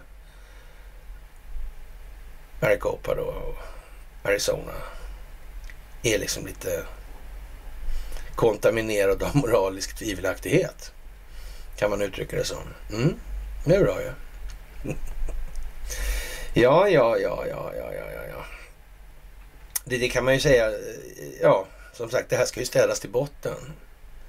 Så många som tror att de är med på rätt tåg här kan kommer nog bli lite glatt överraskade. Eller kanske inte så glatt överraskade. Mm. De tycker att de bara gjort små glidningar när det kommer visa sig att de inte bara gjort små glidningar. De har gjort, eh, ja, hur som helst, den här utredningsgubben då, eller vad man säger, åklagargubben då, Mark Brnovic han twittrar, vi kan rapportera att det finns problematiska systemomfattande problem som är relaterade till tidig valsedelhantering och verifiering. Och det här blir ju ganska, det är ju ändå ganska obetydliga poster han tar upp det här. Och det, det här blir ju sammantaget enorma volymer röster. Ja, att de maskar lite här och var då. Och det försöker de ju göra. För de vet ju att de har fuskat på så, som vi sa från början, de har fuskat på alla upptänkliga och några till sätt alltså som man inte har kunnat tänka på och räkna ut. Det är ju så va. Och, och Joe Biden han säger ju som sagt att han har den största valfuskorganisationen i mänsklighetens historia bakom sig det här. Det är inget snack. Han ljuger inte så han säger det rakt ut ju. Så det är liksom som det är. Och det här kommer nu upp och för att få fart på det här, ja då finns Elon Musk och Twitter. Mm. Nu är det skitnödigt värre. Jag kan säga att det rinner ur sockorna nu. Över kanterna helt enkelt. Jaha, och eh, Japan är ju en del i det här som vi var inne på, Benito Mussolini och i kombination med Adolf Hitler som axelmakt. Och det, det är egentligen så, nu börjar man ju snacka om kärnvapen igen här och, och Japan var ju förskonat från väldigt stora delar av det här med Nürnberg. Och, och Shinzo Abes verksamhet överhuvudtaget. Alltså, han åker ju runt där på Taiwan och försöker då som någon form av emissarie för västerländsk liberalism och så vidare. Så, men det här är ju liksom... Eh, den amerikanska försvarsministern här, Lord Austin, han nämnde Kinas pågående tvång i öst och Sydkinesiska havet då. Sydkinesiska sjön heter det väl ändå på svenska då. Och eh, vilket betonar då vikten av samarbete mellan USA och Japan för att avskräcka alltså. Och, och som sagt, eh, vad hände där egentligen vid Hiroshima och Nagasaki? Vilken roll spelade det för kalla kriget? Hur kom det sig att Hirohito-familjen fick de här Serafimerordnarna av Sverige. Vad hade man gjort för betydande insatser för det svenska samhället? Ja, det kan man fråga sig. Och den första västerländska diplomaten där 1907 och vem var där då? Skrev brev då 1906 där och det var ju han då Christian Kirkeland och här kommer den här frågan med atombomberna upp igen. Vänta här nu, var inte han i Japan där förresten då och så vidare. Det var konstigt. Och, Mm, och, och Kirkeland han visste ju uppenbarligen om det här med kärnklyvning redan och han sa att han kunde utvinna mer energi ur ett kilo uran än man kunde göra ur hundratusen kilo kol. Hur kunde han veta det liksom? Ja, och den här avhandlingen den kom ju aldrig hem. Nej, vad tog den vägen då? Ja, han och Wallenberg och det var det en till där också. Startade någon firma i Norge. Han Eide, vad heter han? Vad heter firman då? Och den firman de startade var... Man låg bakom ett fredspris, eller vad? Var det så? Ja, ja, ja. Norsk Hydro var det, just Norsk Hydro han spelade. Ja, så, ja. Han tillverkade aluminiumoxid. Var sålde man den någonstans? Han sålde den till Tyskland ja, för att öka sprängkraften i bomber. Mm. Ja, just det. gjorde man tungvatten också. Ja. Ja just det, det är massa sådana grejer. Det verkar sitta ihop alltihopa där. Mm. Och nu verkar det komma ihop igen av någon jävla konstig anledning. Undrar vad det kan bero på. Jag vet inte, är det någon som har någon idé alltså? Ja. Mm. Vissa högerpolitiker i Japan är angelägna om att öppna offentliga diskussioner om kärnvapen och ställa dem på likvärdig fot med konventionella vapen, tillhör då, eller säger man då i, från japansk sida.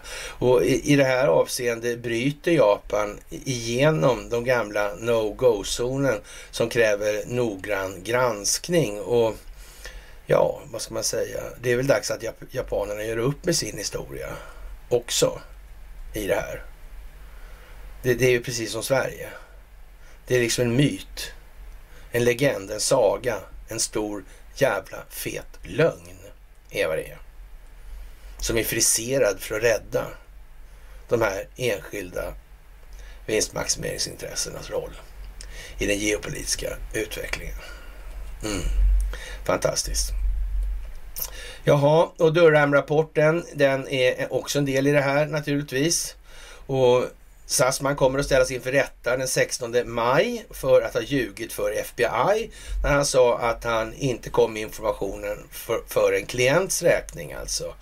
Och ja, ett, ja, tre dussin dokument som Hillary Clinton-kampanjen och andra försöker hålla borta från specialjurist, eller från Durham då, skulle hjälpa till att bevisa att fallet mot en före detta Clinton-kampanjadvokat eh, ja, håller streck då. Det, jag sa den fjärde då häromdagen i förrgår.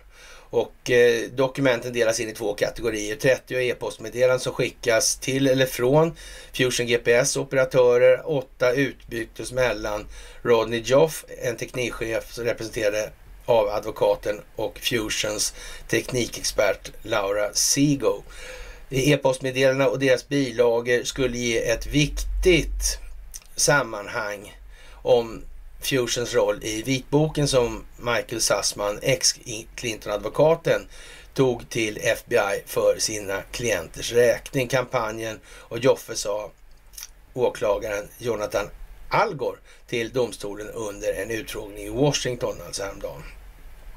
Och eh, ja, inuti tidningen fanns anklagelser om dåvarande kandidat Donald Trumps verksamhet och en rysk bank och hade en hemlig backchannel då, påståenden om som CIA senare framställt vara tekniskt osannolika. Alltså. Och det här är ju liksom inte mycket att snacka om. Det finns allting där också, precis som det gör i den här 2000 mulåsner alltså. Det är metadata insamlat på alla telefonerna, vilka telefoner som har varit i kontakt med de här, hur de har rört sig, vilka tidpunkter, vad som har pratats om i de där telefonerna och så vidare och så vidare och så vidare. Och de är då inspelade hela tiden också. Liksom, ja, mycket, eller åtminstone lika bra som fiskögat när han månglar på det här på Gunnar Karimova då. Mm. Och dessutom är det ju samma firma som ligger i botten. Ja, så det är, och så vill man, de vill ju skydda sig då och säga att det här är liksom är, ja, en advokat-klient-relation som måste skyddas då. Det, det går helt åt helvete alltså. Rakt av. Det går lika dåligt som det har gjort med det här valfusket. Det, har bara, det tar bara längre tid för det är mycket mer och mycket större och folk har dåligt tålamod och det är så och så vidare och så vidare. Och det är bra. Och det, I mitt fall kan jag säga att det är nyttigt för mig att inte skena sådär lära sig vikten av tålamod. Jag var en mycket otålig människa en gång i tiden alltså. Extremt otålig alltså. Var jag. Och det var inget plus i något som helst sammanhang faktiskt. Och ja, Astrid Lindgren jobbade för svensk underrättelsetjänst, men det tror jag alla har klart för sig. En sak som är lite intressant här och, och man ska kanske tänka lite på, när Harry Söderman, Revolver-Harry, född 1902, 24 augusti i Hedvig Eleonora församling. Det är, han var lite så här, dö, eh, i, ja vad ska man säga, eh, idol för Leif GW för övrigt då. Han dog den 16 mars 56 i Tanger då i Marocko. Det var en svensk ingenjör, ämbetsman och kriminaltekniker. Han var föreståndare och överdirektör för Statens kriminaltekniska anstalt, då, SKA 39 53 och han var även med och byggde upp en norsk poliskår i Sverige under senare delen av världskriget, alltså under den här tyska ockupationen alltså. Mm. Ja, vad ska man säga om det? Det låter ju som det skulle kunna innehålla en del faktiskt. Och det är kanske bra att tänka lite på det och snoka lite i. Kan det vara. Det är ett imperativ alltså. ja, ja, ja. Jaha, och i eh, ja, det här Assorstad i Mauripol. Vad gör de där barnen där inne? Hur kom de dit liksom? Tänk dig föräldrarna, det här är ett bra ställe, där ska de skjuta på så vi går in där med barnen. Eller vi går in där med barnen och gömmer oss i skyddsrummen. Så slutar de att skjuta. Eller hur tänker man? Vem tar med sig sina barn in i ett ställe? Sånt ställe? Ja, det, det, är ingen som gör alltså, utan det är, de är insläpade där ungarna av en eller annan. Om föräldrarna är med eller inte, ja. Det kanske är så. Eller kanske inte är så. Eller ungarna borta från början eller? Ja, vi vet ju inte. Vi lär få se alltså. Jaha, och eh, ny presstalesperson i Vita huset alltså ger många en röst då, säger Jens Saki. Och vi kan säga någonting annat också. Det här är alltså, nu kommer de politiska kraven både på färgade och på HBQT-människor att skärpas högst avsevärt alltså. Högst avsevärt. Nu vill det verkligen till att inte göra bort sig alltså med för, för att göra förmån till indelningar. För då kommer det bli ett jävla liv alltså. Så nu gäller det för alla andra som inte är valda här nu att vara kritiska och bli mer uppriktiga i det här och inte så att säga spela för egen vinnings skull. Märker ni nu hur det här faktiskt sammanfaller alltihopa? Samtidigt som vi får den här spelväxlingen i utvecklingsförloppet med Jallarhornet eller Katlaluren eller Bolån eller vad vi nu ska kalla den för. Mm. Så händer såna här grejer. Byter med presstalesman här nu helt plötsligt. Och så blir, byter man fokus också. Ny presstalesperson i alla fall. Ge många en röst, säger då Jens Saker. Ka Karin Jean-Pierre kommer att efterträda Jens Saker som Vita husets presstalesperson. Det meddelade Joe Biden på torsdagen rapporterar amerikanska medier. Saker själv påpekar att Jean-Pierre kommer att bli historisk som både den första svarta och första öppna HB QT-personen på posten. Representationen spelar roll. Hon kommer ge många en röst men också få många att drömma stort om vad som är möjligt, säger Saki enligt AP, alltså Associated Press. Mm. Men det är inte allt alltså. Nu kan inte hon anföra liksom att... För det kommer ju alltid annars. Om man sätter dit någon som är färgad då kommer ju rasistkortet direkt om någon säger emot. Och, och, och, och, säger hon då att det där är misogynt nu, liksom att säga sådär. Då kan man ge sig fan på vilka det är som måste ställa sig upp. Mm. Det är någon som har tänkt till, helt säkert. Och tidsanpassningen är ju vad den är alltså. Ja, och som sagt det här med öppna kanalen över 100 eller en miljon hushåll i Stockholmsregionen alltså. Och man ska tänka nu alltså samtidigt som det här då sker i USA med Fox News och 2000 mulåsnor alltså. Det är vad man väljer att inte berätta om som är frågan. Alltså den här Magnus har näsan åt rätt håll. Sen är det ju lite liksom svajigt i andra ändar då. då. Sådär. Mm. Så, Bern och Wilgert får stå där de står helt enkelt. Ja, ja. Här kommer någonting vackert alltså. Ja, det här är helt otroligt alltså faktiskt. Och, och nu så är det så här att det här måste man sköta snyggt. Det går inte vägen annars alltså. Och ja, det är ju som det är nu för svenskt vidkommande det här och det är så att det, det ligger faktiskt ett skimmer över Investors dagar nu. Alltså ungefär som man sa då att det gjorde över Gustavs dagar en gång i tiden när det gällde Gustav III.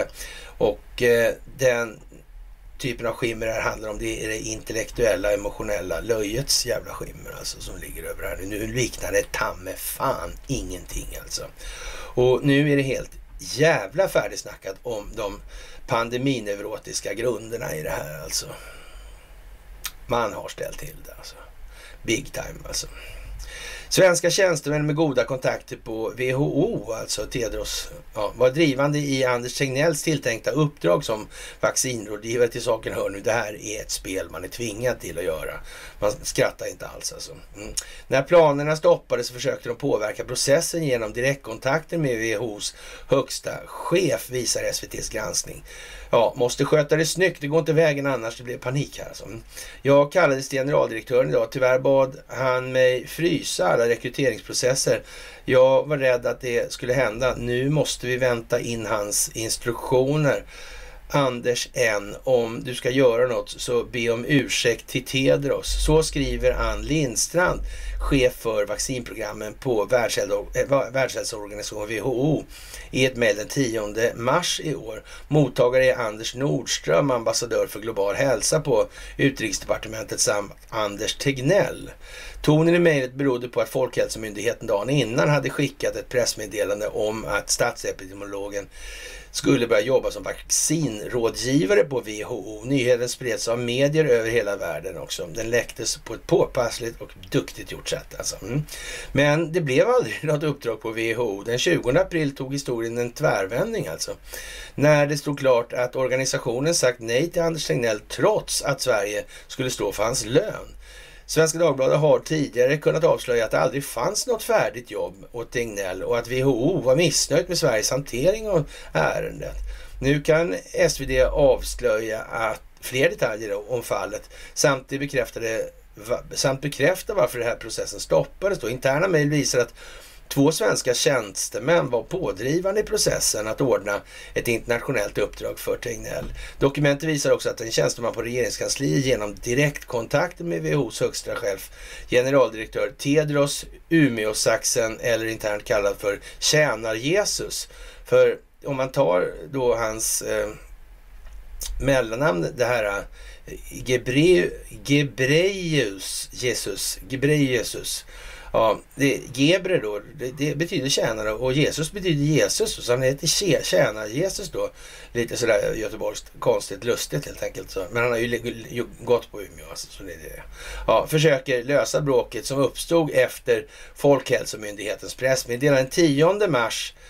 Eh, när Ann Lindstrand skickade mejlet om att det uppstod problem hade kampanjarbetet med Tegnells förflyttning kommit långt.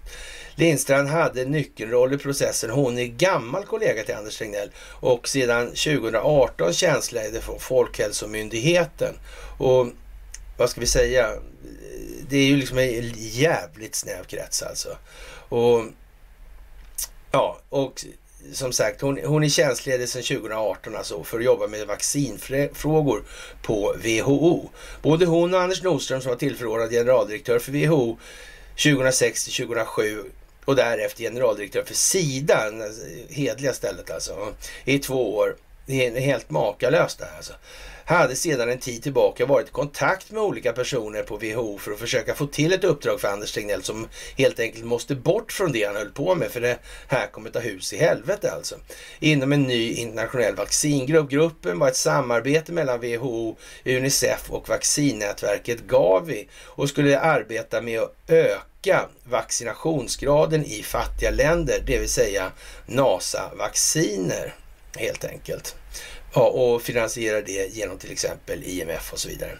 Formen för uppdraget var sekundering, alltså det man har som ett man kallar det för ett parallelluppdrag eller vad man ska säga sidoackreditering brukar man säga i när det gäller till exempel eh, attachéer då till exempel. Man kan ha, om man är försvarsattaché i Köpenhamn kan man vara sidoackrediterad i Bern till exempel och i Schweiz.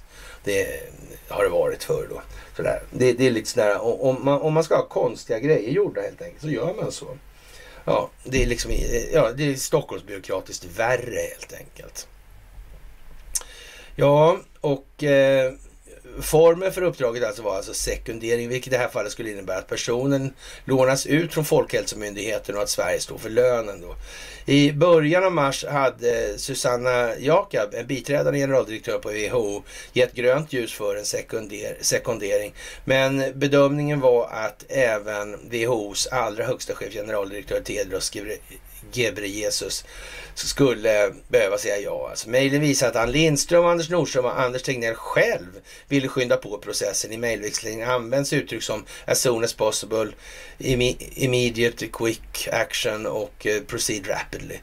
Hemsk dag alltså, mm, men vill ändå kolla vad vi är. Eh, även om jag kan göra mer för att få, fart på det, skriver Tegnell exempelvis i ett mejl 24 februari. Han har bråttom från platsen alltså. Då.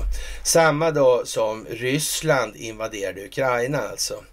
Ja, WHO får veta att Anders Nordström planerar att få in Tegnell i den nya arbetsgruppen genom Unicef istället. Om inte WHO-vägen fungerar. För att ytterligare snabba på arbetet försöker de två svenskarna också ordna en tjänst åt honom inom WHOs nätverk för övervakning av smittoutbrott. Go Arn Eftersom den processen bedöms gå snabbare är planen att Anders Tegnell ska först börja där och sen flytta över till uppdraget som vaccinrådgivare så fort det är möjligt enligt mejlen. Vi ska jobba på att få på en sekundering från Sverige men ett Goarn-kontrakt hjälper oss framåt skriver Ann Lindström till Goarn. Ja, även för Goarn-tjänsten skulle Sverige stå för lönen visar mejlen. Det är alltså bråttom att få bort Tegnell ifrån Folkhälsomyndigheten alltså vid den här tiden. Även för Goarntjänsten skulle Sverige stå för de här lönerna. Alltså då. Och eh, även eller så här, av mejlväxlingen framgår det inte varför personerna ville att Anders Tegnell så snabbt skulle lämna Folkhälsomyndigheten. Nej, just det, det, det framgår inte riktigt. Nej. En arbetsplats där han haft nyckelroll sedan den bildades 2014. Det verkar som det är något på G liksom sådär. Så som inte passar honom helt enkelt på något vis. Som i förlängningen inte skulle passa dem heller kanske då. Men man vet ju inte riktigt hur det fungerar. Mm. Och ja, i intervjuer har han istället påstått att det var WHO som försökte skynda på rekryteringsprocessen och att WHOs nej berodde på interna misstag inom WHO. Ja, ja. Inget av påståendena stöds av mejlen som SvD tagit del av. De visar istället att Ann Lindström och Anders Nordström mer eller mindre försökte skräddarsy uppdragets villkor för Anders Tegnell vad gäller Goarn. De skickade bland annat förslag till arbetsbeskrivning på Goarn som det ber honom att titta på Anders Nordström frågar hur länge han vill ha tjänsten. Gärna två år, svarar Tegnell. Alltså. Jag skrev ihop en arbetsbeskrivning där du kan få ta uppgifter utanför bara datasfären, alltså du, ja, som vi först diskuterade. Eh, ja, något du vill ändra på, okej okay, med dig, skriver han Lindström. Som sagt, bara bra. Eh, du vet att jag gillar att flera bollar i luften, svarar Tegnell då. Samtidigt skriver Anders Nordström 25 februari till chefer på Goan att så vitt jag förstår kommer ni engagera Anders först och ASAP genom Goan-mekanismen och sedan fortsätta med sekunderingskontrakt. Svaret blir jakande för Goan med tillägget att sekunderingen är mer en formell process som kan bli lång.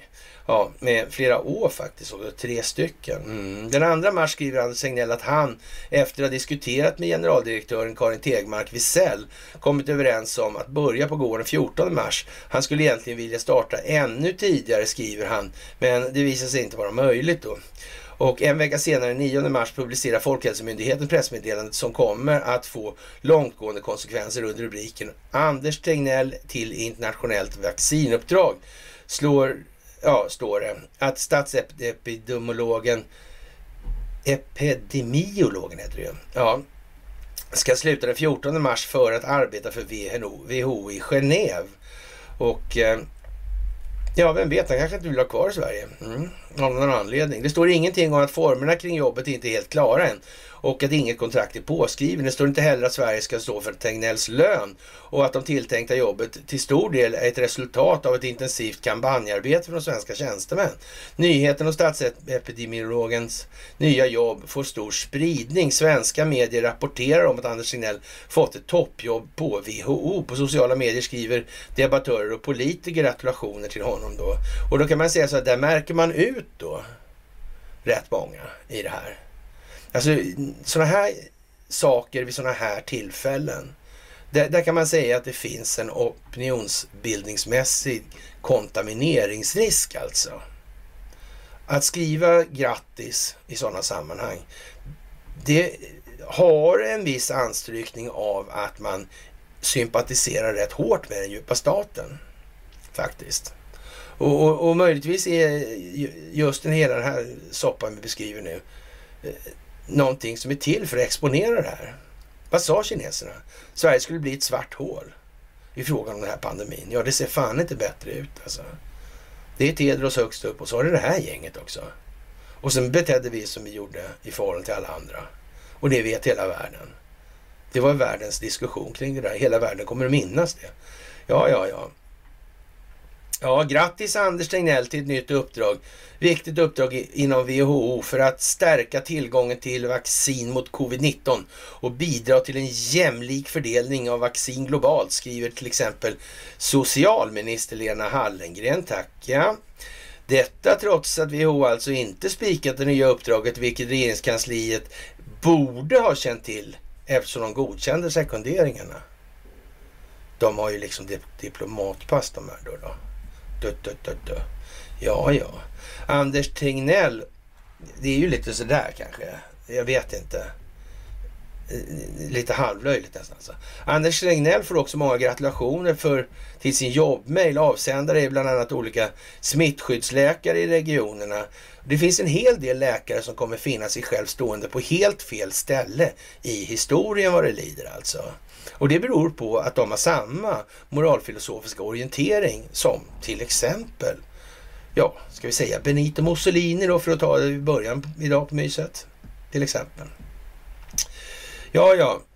Och eh, ja, ja, statsepidemiologen Johan Giesecke och privatpersoner. Då.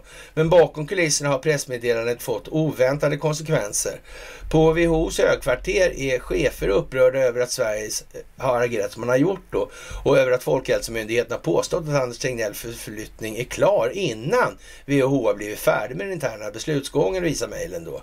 Och eh, som sagt, det kan inte vara sådär skitsvårt att fatta att i den här svängen när det gäller den här pandemin och WHOs roll inom ramen för FN så gäller det att snabbt som fan lägga rabarber på ja, Umeå Tedros. Och svårigheten i att hitta hållhakar och grejer på någon som heter Tjänar Jesus i efternamn. Det kan inte vara precis omöjligt alltså att göra. Det kan inte vara så stora svårigheter. Det måste vara små helt enkelt, de möjligheter, eh, svårigheterna.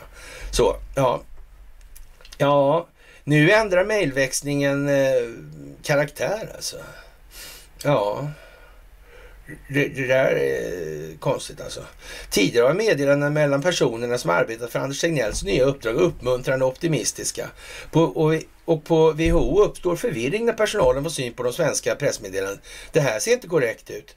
Eh, det är en översättning, eh, men det ser ut som att Tegnell eh, ska börja på en tjänst och lämna sitt uppdrag i Sverige, skriver en WHO-chef i ett mejl.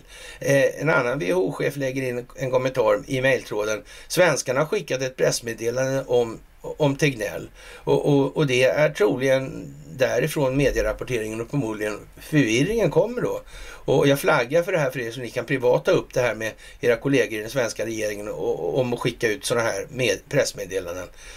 Eh, ja, Ann Lindstrand informerar Anders Tegnell och Anders Nordström om utvecklingen. Hon skriver flera brådskande mejl till sina gamla kollegor på Folkhälsomyndigheten 10 mars dagen efter att pressmeddelandet publiceras. Snälla agera snabbt, skriver hon i ett av de här många mejlen den dagen. Alltså.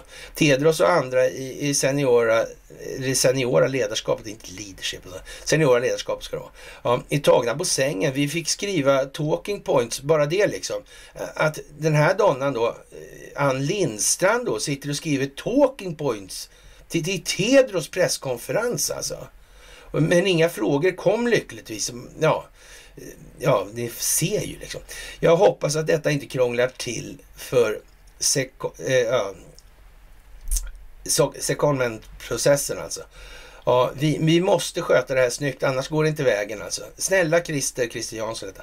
Folkhälsomyndighetens presschef, alltså. Reds, redaktionens anmärkning alltså. Inga fler intervjuer. Secondment kan falla om det här sprids mer. Ja, ta bort meddelandet omedelbart. Anders har inget påskrivet kontrakt ännu. Ja, okay. Hon skriver också att hon kallat sitt särskilt möte med WHOs två högsta chefer. Det är Umeå Tedros då och Susanna Jakab på grund av pressmeddelandet. Där sa WHOs generaldirektör att han ville frysa alla rekryteringsprocesser inklusive Goarn, skriver hon då. Ann Lindstrand ber Anders Nordström som jobbade flera år inom WHOs troppskikt att personligen vända sig till Tedros, ja, tjänar Jesus alltså, för att försöka rädda situationen. Jag har testat Tedros och bett om ursäkt, skriver Anders Nordström till Anders Tegnell och Ann Lindström den 10 mars. Prata med Ann, hon lät rätt negativ till att det här kommer att lösa sig. Vad tror du? skriver Anders Tegnell till Nordström som svarar. Och också tyvärr tveksam, Tedros är knepig ibland. Ja, om inte man var fullkomlig idiot då bland de som bekämpar den djupa staten så har man ju snott Tedros för länge sedan. Och han kommer ju från Etiopien och det är där man har satt till det här naturligtvis. De har ju satt press på honom från det hållet, givetvis. Om Tedros har fingrarna i Sverige, de kunde inte skita någonting mer skulle jag säga. För det har han liksom. Ja, ja men är det inte Lattjo? När det här kommer i Svenska Dagbladet, då vet vi så här att eh, ja, det är intellektuellt dött det här ämnet nu alltså. Kraftigt intellektuellt dött dessutom. Ja, Ann Lindström skriver att vi hos pressavdelningen vill att Folkhälsomyndigheten tar bort pressmeddelandet alltså. Ja, men presschefen Christer Jansson svarar att han rådfrågat WHO som uppmanat honom att inte ta bort texten eftersom det skulle kunna leda till ytterligare uppmärksamhet. De vill inte ha någon uppmärksamhet längre alltså. Nej, nej, nej. Blir möjligen ännu mer förvirrad, skriver Anders Tegnell som svar. Ja, Eh, några dagar senare förbättras läget, förbättras läget väsentligt. Vice WHO-chefen Susanna Jakob skriver den 14 mars att WHO är beredd att fortsätta jobba för en sekundering där WHO-reglerna följs, men då måste Goan uppdraget släppas. Alltså uppdraget som ordnats fram för att skynda på Tegnells avsked från Folkmyndigheten, meddelar hon. Hoppfullt, men det är fortfarande en lång väg alltså och en stor administrativ process. Och ja, vad ska vi säga? Det här går ju vidare. Det här är en lång historia och, och, och det är ju fantastiskt att få se det här i svenska medier. Och det här sker alltså samtidigt nu då som vi ser det här utspelas i USA. Vi ser det här utspelas med Dagens Nyheter och Sweb TV. och så vidare i det här. Det är fantastiskt. Faktiskt. Det är helt otroligt bra. Ja, och eh, vad kan man säga? Sverige har blivit narkotikanavet i Norden. Det är en mycket speciell grej och då kan man säga så här, i, i anledning av den artikeln kan man ju eh, säga att eh, ja, Tullverket, det svenska Tullverket eh, får ju sitt där i den delen. Det är ju bara att konstatera det. Det här händer ju inte utan Tullverkets medverkan då. Givetvis inte. Det finns ju inte på en karta. Det har man ju vetat länge. Varför har det inte hänt något? Varför har inte någon gjort något? Nu har ju folk på Tullverket sagt då uttryckligen så här som jag har hört då att eh, ja, det är lätt att överskatta alltså tullkriminalens underrättelsetjänst. Mycket lätt alltså. Mycket, mycket lätt. Mm.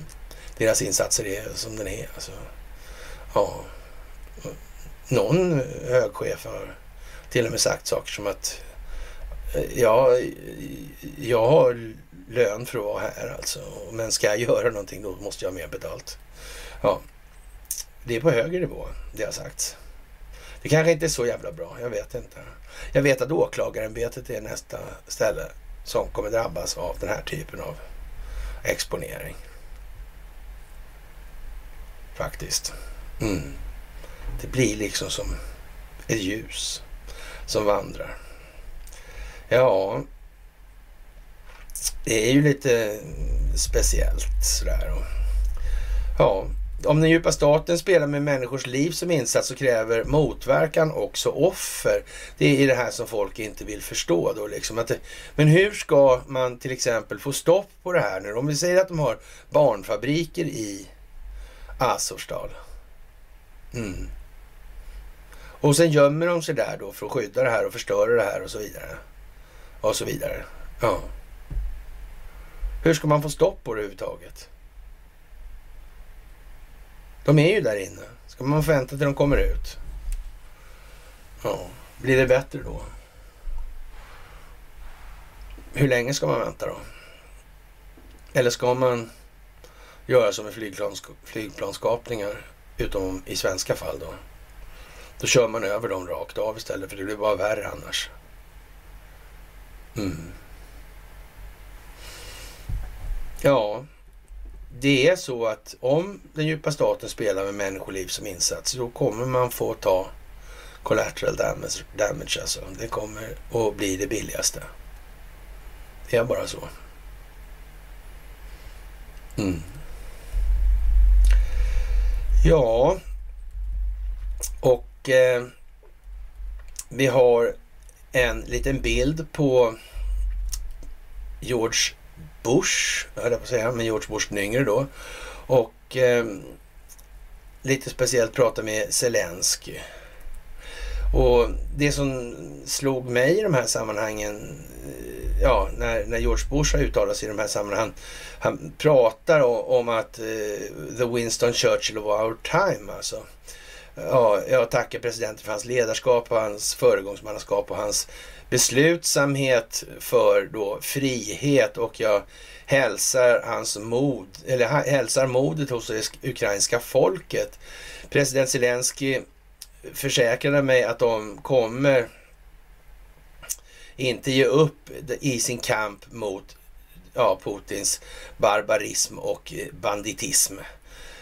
Ja, amerikanerna blir inspirerade av så att säga, den styrkan och beslutsamheten. Vi, vill, vi kommer fortsätta att stå bakom Ukraina eh, ja, så länge som de står upp för sin frihet, säger George Bush då. Ja, hans farfar hette Prescott, kan vi ju säga. Han kände alla Dahl jättebra. Det gjorde hans pappa, gamla Bush också. George alltså. Prescott Bush var en riktig gangster alltså också. Mm. Och, och samma, och Bush-familjen är ju nära, knyt, nära anknuten till då Wallenberg-sfären. Och det kanske man inte behöver förtydliga i all oändlighet heller alltså.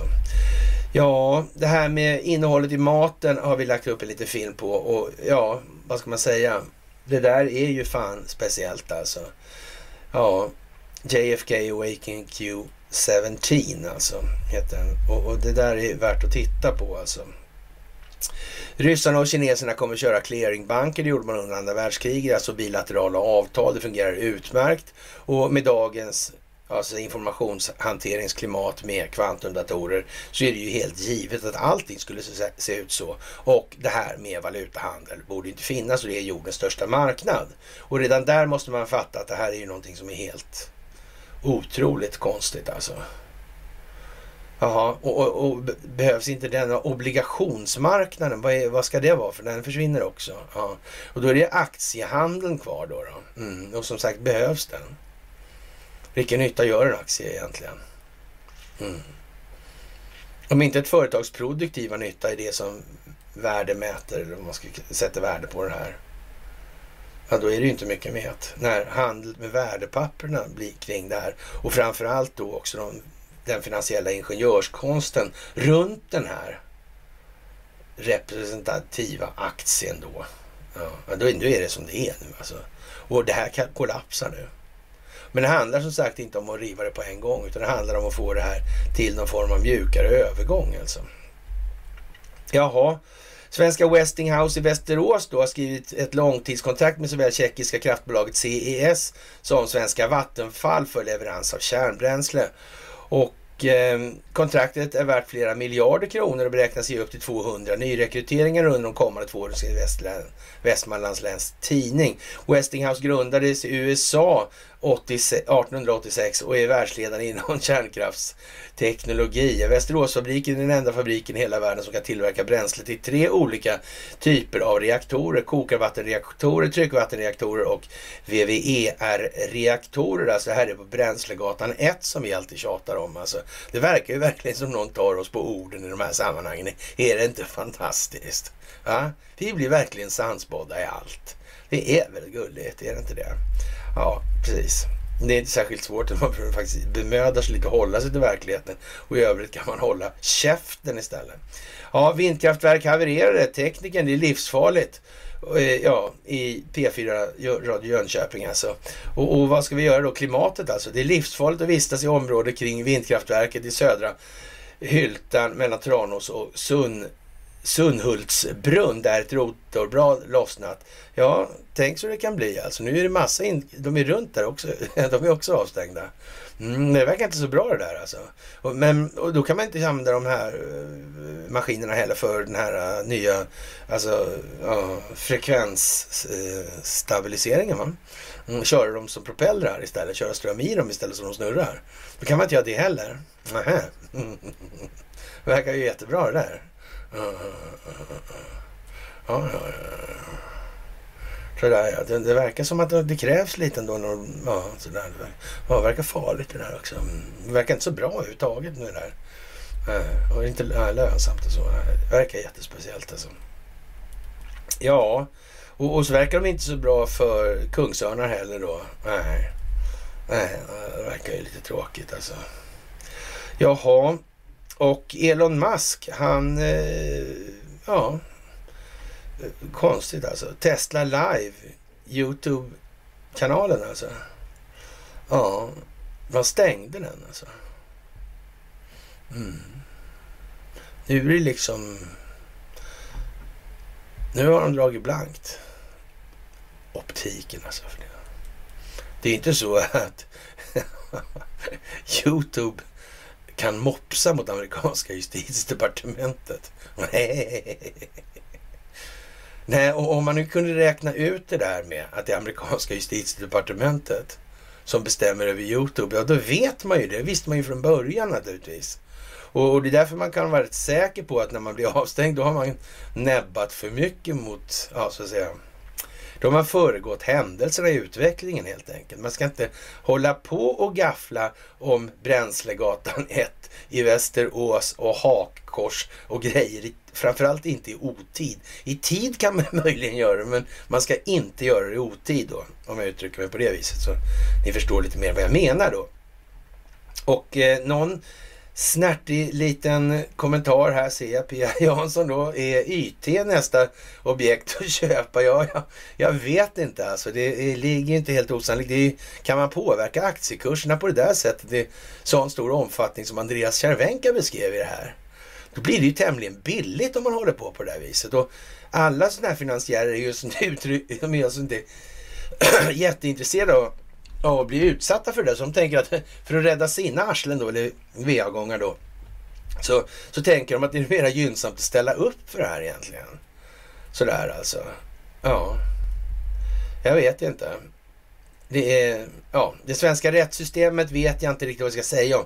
Där har vi de här olika lagarna. Var sexköp av 13 år oaktsam barnvåldtäkt i det här? Och det, det, det som, jag tror att det är bättre ni läser och tänker själva här. För det där blir bara, det blir bara, ja, det blir så fnuttigt va, i den meningen.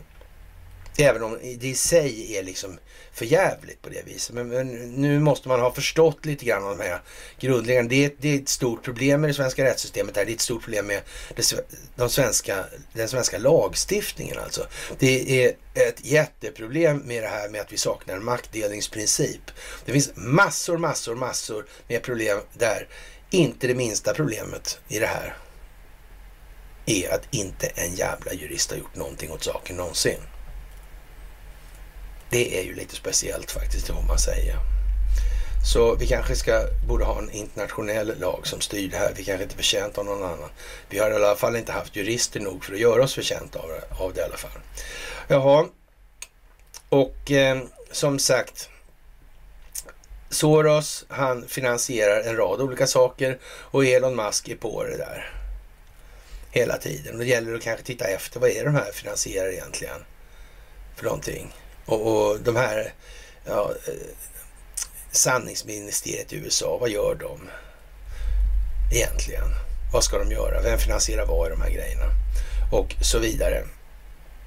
Och eh, vi har de här trevliga medierna här hemma och vi har framförallt hos CNN strategiska partner en helt underbar sändning under gårdagskvällen alltså.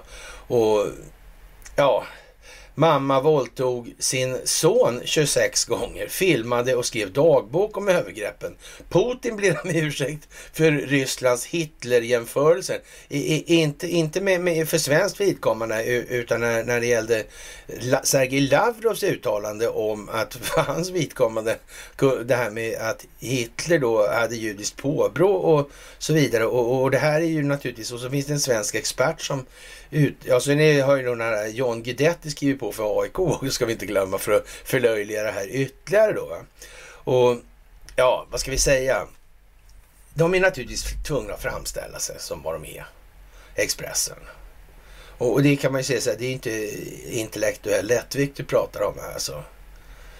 Det är, någon full, det är något annat helt enkelt. Och, och sen har vi kaos med kortbetalningarna också och betalningarna nekas. Ja, men vad kan gå fel här egentligen? Och nu är det fredag. Det är fantastiskt. Ja, som ni märker, det är ju helt otroligt alltså. Och som sagt, det här med att våldta sin son 26 gånger, alltså. Ja, hur går det här till liksom egentligen? Är det här rimligt? Och, ja. Men man kan ju säga så här, någonstans finns det ju en poäng med allt det här. Och det kan ju vara så att det är meningen att folk ska börja tänka efter lite grann här. Den här typen av sexualisering, den här typen av verksamhet som George Soros finansierar. Den här verksamheten som RFSU började, eller RFSL då, började med Planned Parenthood. Som också är sådana här Soros-finansieringar de här NGO-verksamheterna? Vad är det bra det här? Är det något som leder, leder till något gott för mänskligheten i stort? Är det en poäng med att det finns en moral värd namnet faktiskt? Det kan till och med vara nedskriven i en bok liksom. Som kan heta både det ena och det andra. Det handlar om vad sakinnehållet gör. Vad menas egentligen med de här sakerna? Innebörden funktionsmässigt. Ja, Stackars X-Tech-aktier alltså. Under torsdagen rasar USA-börserna kraftigt alltså. Ja, och, och det här är konstigt. Och det här ska ni tänka på också. När någonting rasar med 10 procent från 100 kronor. Ja, då rasar det till 90 kronor. Men går det upp med 10 och då går det bara upp till 99. Tänk på det här nu. De luras hela tiden med de där grejerna. Så Ja, och eh, det hade blivit som sämst då så hade det rasat då sin, eller till sin sämsta börsdag sedan 2020. Det föll 5 procent alltså. Och, och, ja, förklaringsmodellerna här är ju lite sådär lätt skrattretande. Det kanske var som någon sa där då, eller Pia Jansson sa, att är det dags att köpa det här billigt kanske? Ja, kanske är det dags att köpa Facebook billigt också. Varför inte ta allihopa? Jag menar, har man de där lirarna i ryggen? Hej och som har obegränsat med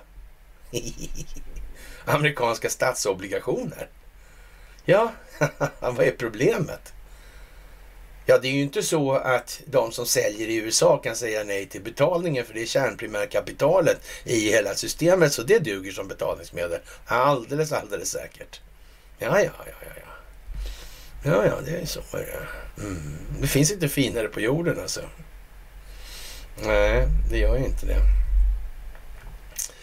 Ja, och eh, ja, Biden och hans muter och slashfonder det är ju lite sådär äh, och nu ska han då ja, eh, ha e-, ett eh, sanningsdepartement. Och, jag vet inte om det ska behöva, jag fattar inte att det ska vara så segt alltså. Ramzan Kadyrov, eh, ibland fattar jag inte, det är ibland fattar jag faktiskt också, jag ska inte så gnälla så jävligt. Ja, Ramzan Kadyrov han eh, påstår att de fångar en stor västerländsk fisk Eh, och, och, den försökte fly från Azovstal. Där. Han är tydligen där alltså.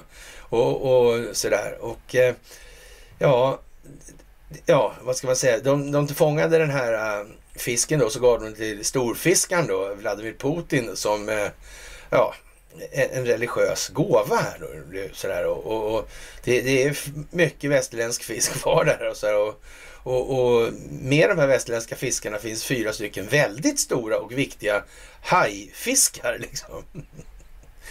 Ja, han är lite rolig sådär alltså. Och äh, ja, men trevligt tycker jag.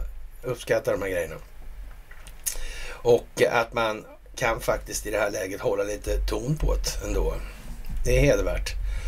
Ja, och vi sällan har väl så många generaler dött så snabbt då. Som sagt, det där måste man tänka på i de här konfliktsammanhangen. Så det lär ju finnas en och annan korrumperad general alltså som fick gå hädan utan och få då galonen eller gradbeteckningarna bortsprättade då. Och eh, man kan säga så här, det är en bra stridsmoralisk åtgärd ur alla perspektiv och det är en hedersam död för de här människorna då.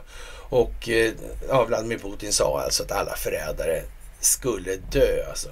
Och eh, ja, amerikanska underrättelser och truppförflyttningar i realtid uppges ligga bakom att Ukraina dödade ett tvåsiffrigt antal ryska generaler i kriget alltså. Och ja, det är uppenbart att man lever efter soldatinstruktionen. Skjut chefen först, säger Jörgen Elving, tidigare chef för Försvarets underrättelseskola. Ja, vad ska vi säga? Den svenska militären i den mån den, och den ska finnas kvar så måste nog den genomgå en hel del eh, själslig bildning om vi säger som så. Alltså. Det här med filosofisk materialism överhuvudtaget och det här med politiska militärer. Alltså om man inte ens klarar av eller kan förmå sig att hålla sig över den filosofiska materialistiska nivån ja då kan man inte säga eller uttryckas vara särskilt generell i sin betraktelse. Så är det. Och, och det kanske man ska ta viss hänsyn till inom vissa kategori, yrk, yrkeskategorier i samhället. Det blir lite tokigt annars om man säger. Det blir snett på bollen. Ja, vi har kommit en bra bit på väg och eh, Tedros, han börjar vråla om nya pandemisiffror på 15 miljoner döda och hela läsarkretsen håller på att skratta ihjäl sig alltså. Ja, kinesiska bolag är enskilt största ägare av svensk vindkraft och utvecklingen oroar. Vi såg det aldrig komma naturligtvis och nu är det dags. Göran Persson påminner den som är satt i skuld är inte fri. Nej. Och eh, ja, det här med vad det allmänna betalningsmedlet spelar för roll i saken är naturligtvis ingen fråga alls. Kan vi fråga Göran om. Han tar inte upp det nämligen. Han vill inte prata om det. av någon anledning. Det är samma tema. Var är, befinner vi oss i det här? Jo, nu handlar det inte om att man ska visa att de ljuger. Nu handlar det om att prata om vad de inte ger uttryck för och varför de inte ger uttryck för det. De köper sig varje centimeter de kan eh, slippa att lämna ifrån sig. Det är bara så. De kommer inte lägga sig ner platt och säga okej, okay, okej, okay, vi hade fel, här är nycklarna liksom. Det kommer inte hända. Och nu sitter Göran och rynkar pannan och ser bekymrad ut. Men kiss my ass, alltså det där är ju bara för mycket. Jaha, och svenskarna vill inte folkomrösta om NATO. Och, och, det kan man ju säga så här, det, är det verkligen lyckat då att människor ska rösta om frågor som de inte har en aning om någonting? Det kan man säga är rent, rent av olämpligt skulle jag säga. Eller? Jo, det tror jag det faktiskt. Jaha, och svensken är mest russofobisk i Europa enligt undersökningar här. Det finns ingen ledig kapacitet i världen för att ersätta rysk olja varnar OPECs generalsekreterare Mohammed Barkindo häromdagen då igår. Så ja, mot bakgrund av detta uttalande ser Europeiska unionens ansträngningar att införa ett embargo på oljeimport från Ryska federationen ut som att eh, EU är självmordsbenägna alltså. Ja, men tänk att det kanske är så också. De kanske också börjar förstå det här och de har inte så mycket att välja på. Det skulle ju kunna vara så rent utav faktiskt. Och nu gör ni som vi säger. Annars har vi mycket tråkigare alternativ för er här. Och ja, vem vet alltså? Vem vet? Det kan vara så. Och eh, ja, Storbritannien eh, kallar in eh, Elon Musk i anledning av det här med Twitter. De har inte ett skit med saken att göra. Det vet alla. Det fattar alla. Ja. Alla fattar inte att Boris spelar för att vinna. Det gör de inte. Och han kan till och med spela så bra för att vinna att han går under med det också. Några måste kanske offra sig, det vet man ju inte. Men det känns inte som att Boris behöver det. Det känns som att han har cred nog för att kunna hålla för syn vad det lider. Och, eh, men eh, om han ställer upp på det här då? Muskis. Då kan han ju slå ett slag för att hela världen ska titta på de här 2000 åsnorna. Vad händer då? ja, vad händer då? Ja, kära vänner, vad händer då alltså? Ja, det är ju lite sådär speciellt alltså. Det får man nog säga. Och många andra länder har redan börjat visa de här 2000 åsnorna. Och ja, det kanske är svenska statsförvaltningen man tänker på först, men det är det inte alltså. Och eh, ja, som sagt, Fox News, de eh, sympatiserar med mainstream-medierna och med hormedierna. Och de bojkottar och täcker det här helt och hållet. Mm. Och med det, kära vänner, så kan vi väl eh, nästan säga att vi har gjort den här veckan. Men det har vi kanske inte gjort då, utan det är väl risk att vi får återkomma imorgon. Och med vi, det säger jag för att nu kommer det besök alltså. Jag blir inte ensam. Vi får lite den här gubbläktaren här igen alltså. Under nästa vecka.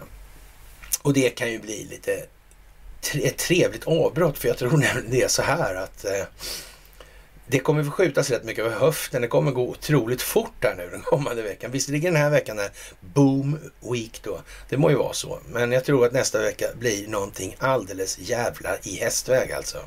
Så jag är glad om det inte blir det. För det, det går inte så mycket mer nu. Och det här blir ju påtagligt långt och det blir ja, så rätt intensivt skulle man kunna säga. Mm. Men det är det alla gånger värt mödan. Det tycker jag. Jag tycker det är fantastiskt roligt att få göra det här tillsammans med er och jag är jätteglad för att vi har kommit så här långt som vi har gjort och jag är jätteglad för att ni får uppleva den bekräftelse vi får i det här i form av vad vi ser utvecklas runt om oss i världen. Faktiskt. Jätte, jättebra. Och ni ska ha det största av tack. Verkligen. Och med det kära vänner så tycker jag att vi hörs senast på måndag men eh, så gott som alldeles säkert innan dess. Och så får jag önska er en verkligt trevlig helg.